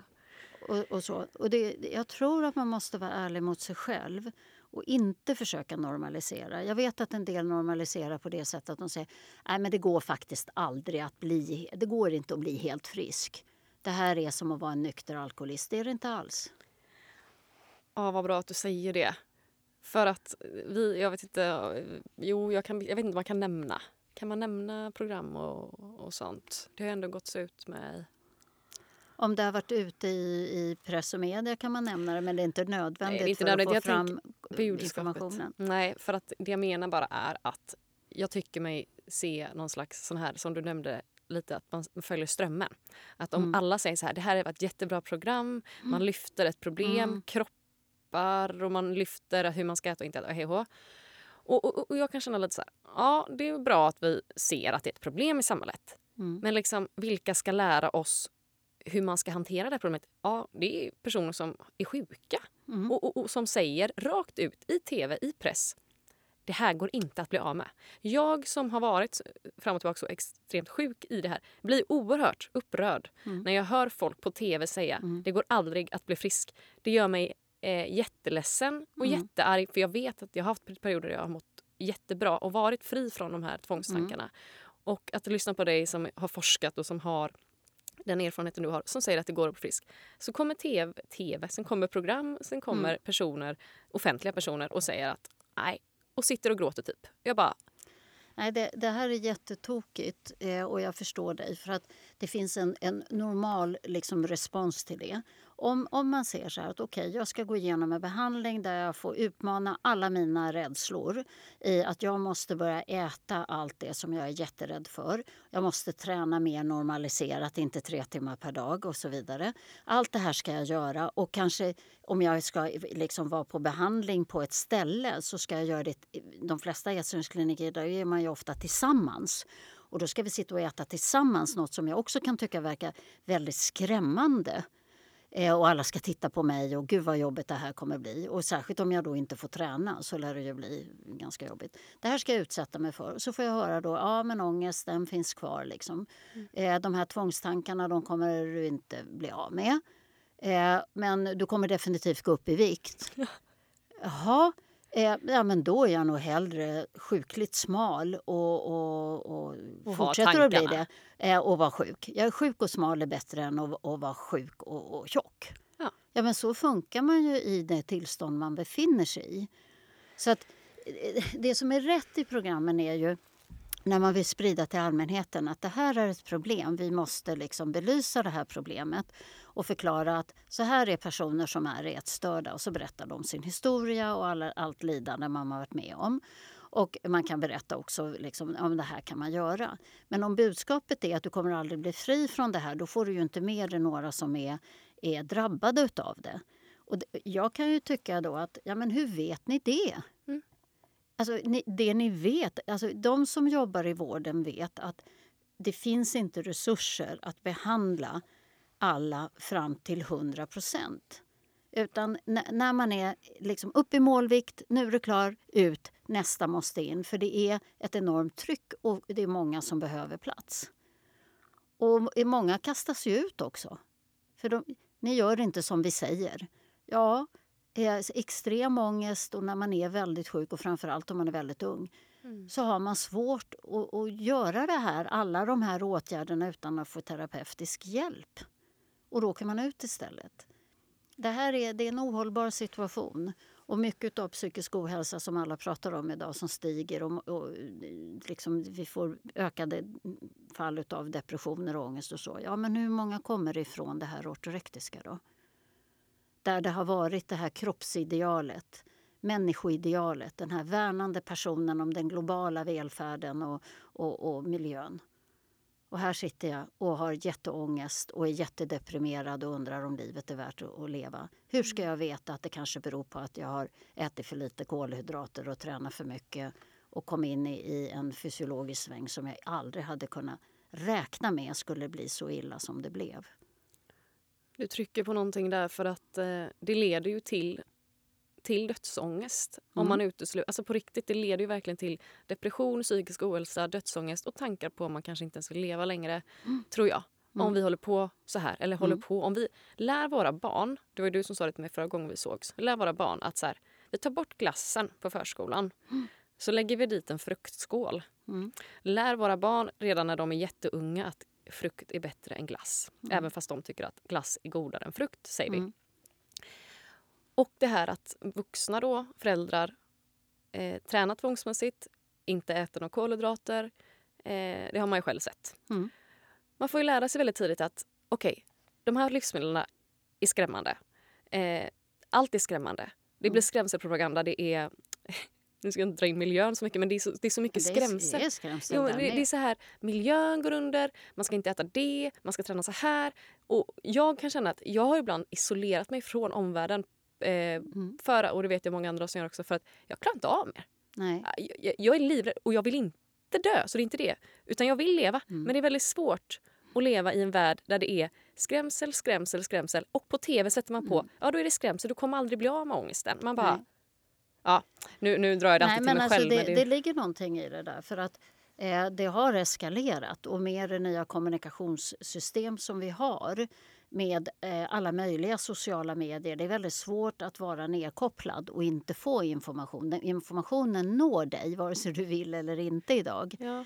Så att, eh, och det är mycket mer hot idag när det gäller just om krig och miljö. Och, eh, även då naturligtvis nu, nu kommer det lågkonjunktur och, och unga kan inte köpa en bostad och, och hur, var ska jag bo och, och kommer ja, jag in? Det är helt och, galet ja, alltså. så att det, det är ett väldigt tryck.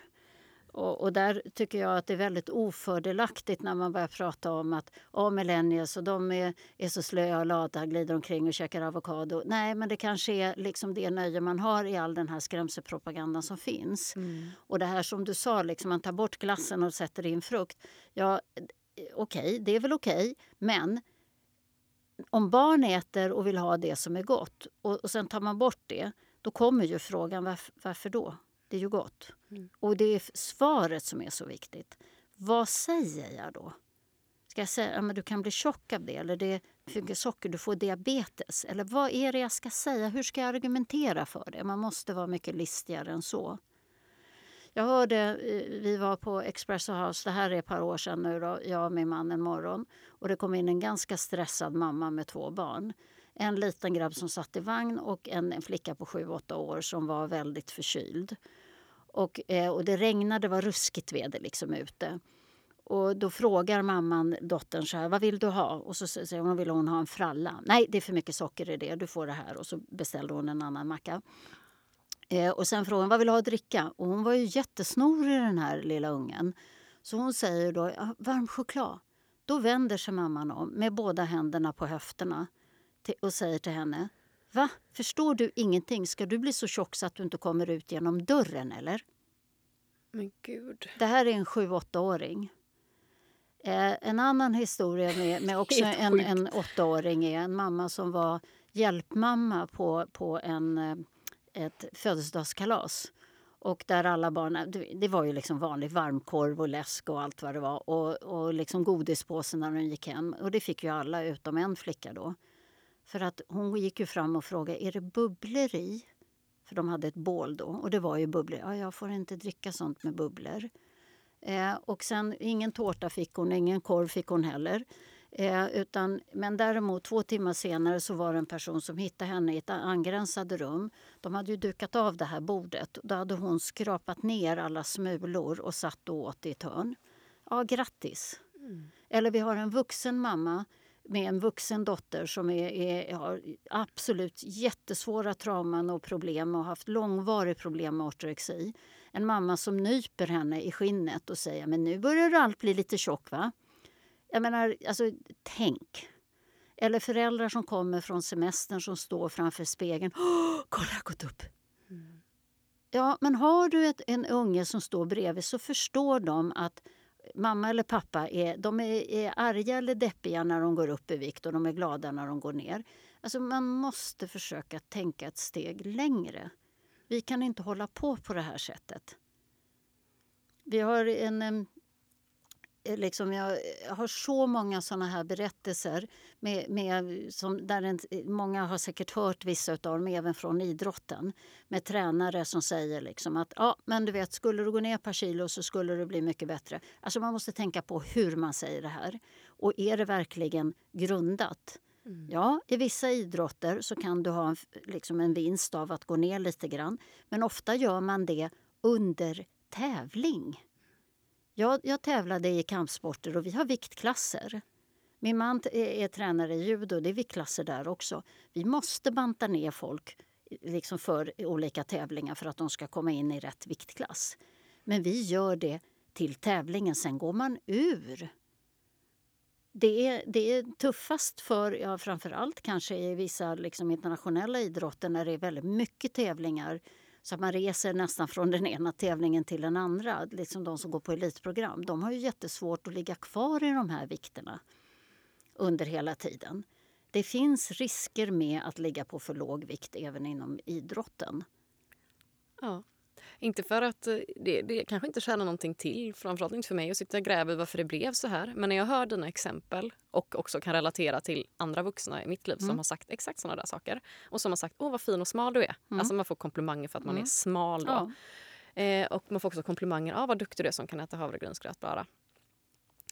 Eh, och i alla fall, och då... Eh, då undrar jag liksom... Jag kommer nog inte bli en lyckligare människa bara för att jag kommer, om jag kommer på när allting börjar hej och Men jag undrar verkligen. Alltså, är vi så, har vi så lite andra problem så att vi måste stå framför spegeln hela tiden? Mm. Eller jag menar, är det, tror du att det är ett privilegiet problem på något sätt? Ja, men man säger ju att det är ett västerländskt problem. då. Mm. Eh, och det är klart att i, i, vissa andra länder så tycker de att det är jättemärkligt. Att det här finns det hur mycket mat som helst och folk vill svälta sig. Alltså frivilligt. Ja. Eh, och det här kanske hör till den tid vi lever i. Men om man har levt i kulturer där exempelvis det är hårda inskränkningar på vad man får säga, vad man får tycka, eh, hur man får bete sig och så vidare så blir man ju väldigt lycklig när man tänker på oj, vi har valmöjligheter. Jag kan faktiskt välja. Vi kan gå i skolan och vi, vi kan, ja, men jag, på, på, ett eller annat sätt så kan jag byta miljö om jag vill. Om jag har lust att säga att jag gillar inte kungen så kan jag göra det. Det händer ingenting i vårt land. Liksom, och det är en enorm fördel som vi har. Men då väljer jag att bli ortorektisk och sätta upp regler som inte finns i vårt samhälle. Att du måste äta på de här tiderna.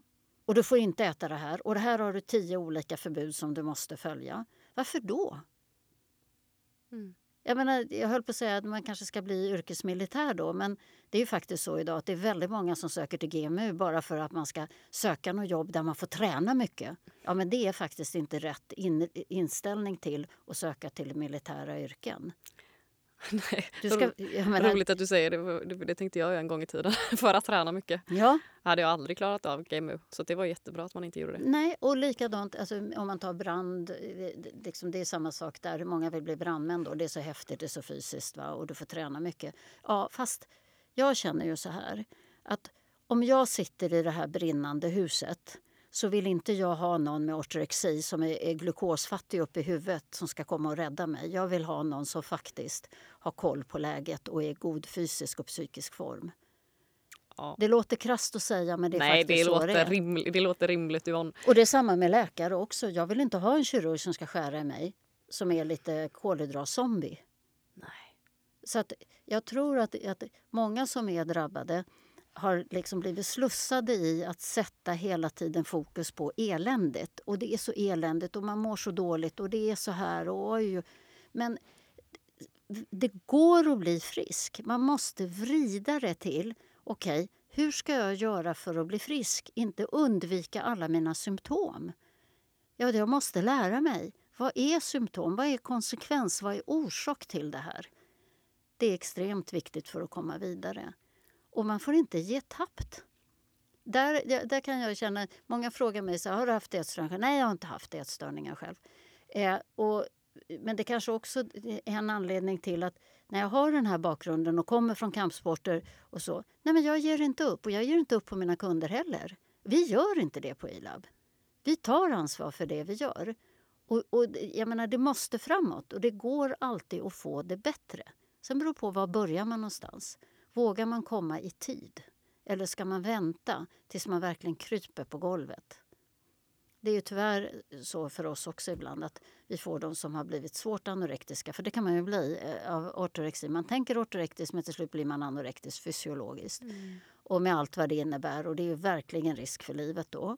Och vi är ingen intensivvårdsanläggning. Liksom, och det är fruktansvärt för oss att behöva säga nej. Och behöva säga att Nej, men nu måste du läggas in. Mm. Med sondning och dropp och allt vad det är som är fruktansvärt traumatiskt för den som är drabbad. Så det är min uppmaning. Kom i tid. Det är kortare behandling. Om du tror jag kanske är för frisk, tänk på att det är ett symptom. När du säger till dig själv men jag är i alla fall inte lika anorektisk som hon. Nej, men det är ett symptom. Det är inte ditt kloka huvud som tänker då. Nej, den meningen hör jag från folk som är sjuka dagligen som skriver att så här, alltså jag känner att jag inte kan gå dit eller dit för att jag känner mig inte lika sjuk som hon eller han. Mm. Vet, det känns som att de pratar bara mot en vägg för jag vet, jag mm. bara så här, jo det är, eller så, mm. ja, det är ju inte så. Nej. Eller hur? Är det inte väldigt många från, en sista fråga bara, från elitidrotten som fortsätter träna väldigt mycket men inte i prestationssyfte och landar i någon slags ortorektisk Alltså, vi, har, vi har ju representation från jag vet inte allt, alltså från basket och fotboll och ishockey, landbandy, isbandy, gymnastik, de här klassiska, konståkning spelar inte så stor roll. Alltså de flesta olika förbund och olika idrotter som kommer till oss. Och då är det så att är man liksom uppe i sin elitkarriär och blir ortorektisk då börjar man förändra sitt sätt att tänka. Men det är faktiskt, jag tröttnar på handbollen och jag vill hellre hålla på på gym. Det är mycket roligare att vara på gym. Det är också ett symptom i det här. Då, vi säger vare sig bu eller bä. Vi säger bara, ja, men först handlar det om att få, få hälsorelaterad träning. Vi ska ha dig frisk. Och sen via motion. Vill du fortsätta med eliten sen så tar vi det då. Väldigt många av dem går tillbaka till elitidrotten för att man får tillbaka sin kapacitet. Det handlar inte om att jag går in på en basketmatch som ortorektiker, jag måste bara orka hela mm. passet. Utan man, man känner att jag är tillbaka igen. Eh, det finns också de som är färdiga med elitidrotten som säger att jag vet inte, liksom, jag tycker det är jättetråkigt att sitta här och dra en vajer. Mm. Jag har liksom tappat moroten för att min morot var ju det här liksom med laget och tävlandet och resandet och nu mm. har jag inte det. Då ju, får ju vi försöka hjälpa till att hitta meningsfulla aktiviteter. Och det behöver ju inte alltid bli träning.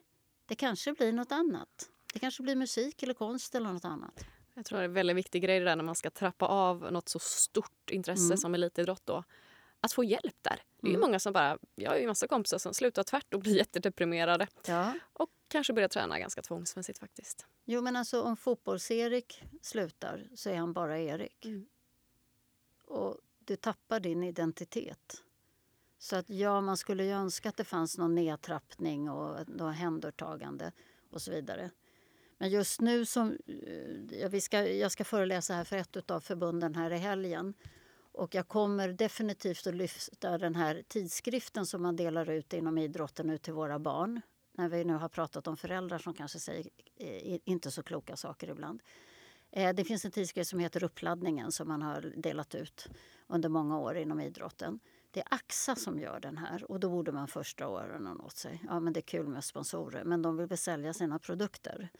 Sen har man liksom tre dietister då som skriver i det här. Det här delas ut till 8-9-åringar eh, där man kan hitta såna här rubriker som eh, långsiktig fungerande bantning olika skräpmats och, och, och, jag kommer inte ihåg allt vad det var, fettfaror och så. Ja. Jag menar allt det som skrämmer upp och som säger att träning helt plötsligt har blivit bantning. Varför in med, med dietister som, som är skolade på viktminskning? Det fanns mycket bra i den här också, uppladdningen. Men just de här rubrikerna Alltså, det, ska man inte dela ut till barn inom idrotten, enligt min uppfattning. Nej, det är opsykologiskt. ja, och för det som är bra det kommer ju de person, många personer inte se för de kommer bara se det här. Bantningstips, mm. bantningstips eftersom att idealet ser ut som det gör. Ja, alltså jag, jag, fick, jag fick den i handen av en klok mamma som sa min son fick den här. Jag, han fick inte läsa den. Ja men vad bra, sa jag. Mm. Så enkelt kan det vara om man bara tar ja. bort de grejerna. Mm. Det måste vara psykologi också. Det kan inte bara vara fysiologi. Nej. Sitter här med en bok som du och din man va? Ja. ja. har skrivit som heter Ortorexi, fixering vid mat och träning. Jag har läst eh, typ halva. Mm. Ska, det ser ut som att jag ska sitta och läsa den nu men jag vill bara eh, rekommendera den till alla som lyssnar nu. Den finns, jag vet inte om den bara går att köpa hos er eller på jo, internet? nu gör den det. För det, det, det gavs ut av Sisu förlag och de har inga kvar i lager. Men vi har kvar i lager fortfarande, så vi säljer den fortfarande då. Ja, den är och, jättebra. Ja, och det är då för att säga, det är inte bara liksom min, det är min man och jag som har gjort den tillsammans men man kan ju också säga det att han är idrottsforskare då. Och eh, under tiden han var i Sovjet så forskade han på begränsningsfaktorer inom elitidrotten. Sen började han, eh, när han kom till Sverige, och jobba inom Karolinska LGH då, på forskning inom biomekanik och så. Mm. Uppe på Gymnastik och idrottshögskolan. Ja. Och så, så, att vi tyckte att eh, på förfrågan då från SISU där man eh, sa då att vi ser det här inom idrotten, det tycker jag var ett bra initiativ. Så gjorde vi den här boken för några år sedan. Mm. Ortorexi innebär en fixering vid nyttiga livsmedel i kombination med extremt stora träningsmängder. Står det på baksidan. Mm. Nej, men den rekommenderar jag och jag får tacka dig för att du tog dig tid att komma hit mm. ännu en gång. Ja, ännu en gång. nu ska jag se till så att mitt minneskort inte blir stulet. Nej, det är en bra grej. Men vem vet, det kanske blir tredje gången kanske gillt. Blir ja, vem vet. Nej, men du, du är fantastisk och jag älskar ditt uh, arbete. Verkligen. Tack. Vill du komma i kontakt med Yvonne och YLab så rekommenderar jag att gå in på ylab.com. Och vill du läsa mer om ortorexi så finns det en sida som heter ortorexi.nu. Och Yvonne har även en blogg som heter yvonnelin.se. Och känner du nu att du har ett tvångsmässigt förhållningssätt till mat och träning som går ut över din vardag, så vänta inte med att göra någonting åt det. För du är värd ett liv. Kom ihåg det. Tack så jättemycket för att du tog dig tid till att lyssna. Vi hörs. Ha det bäst. Hej då.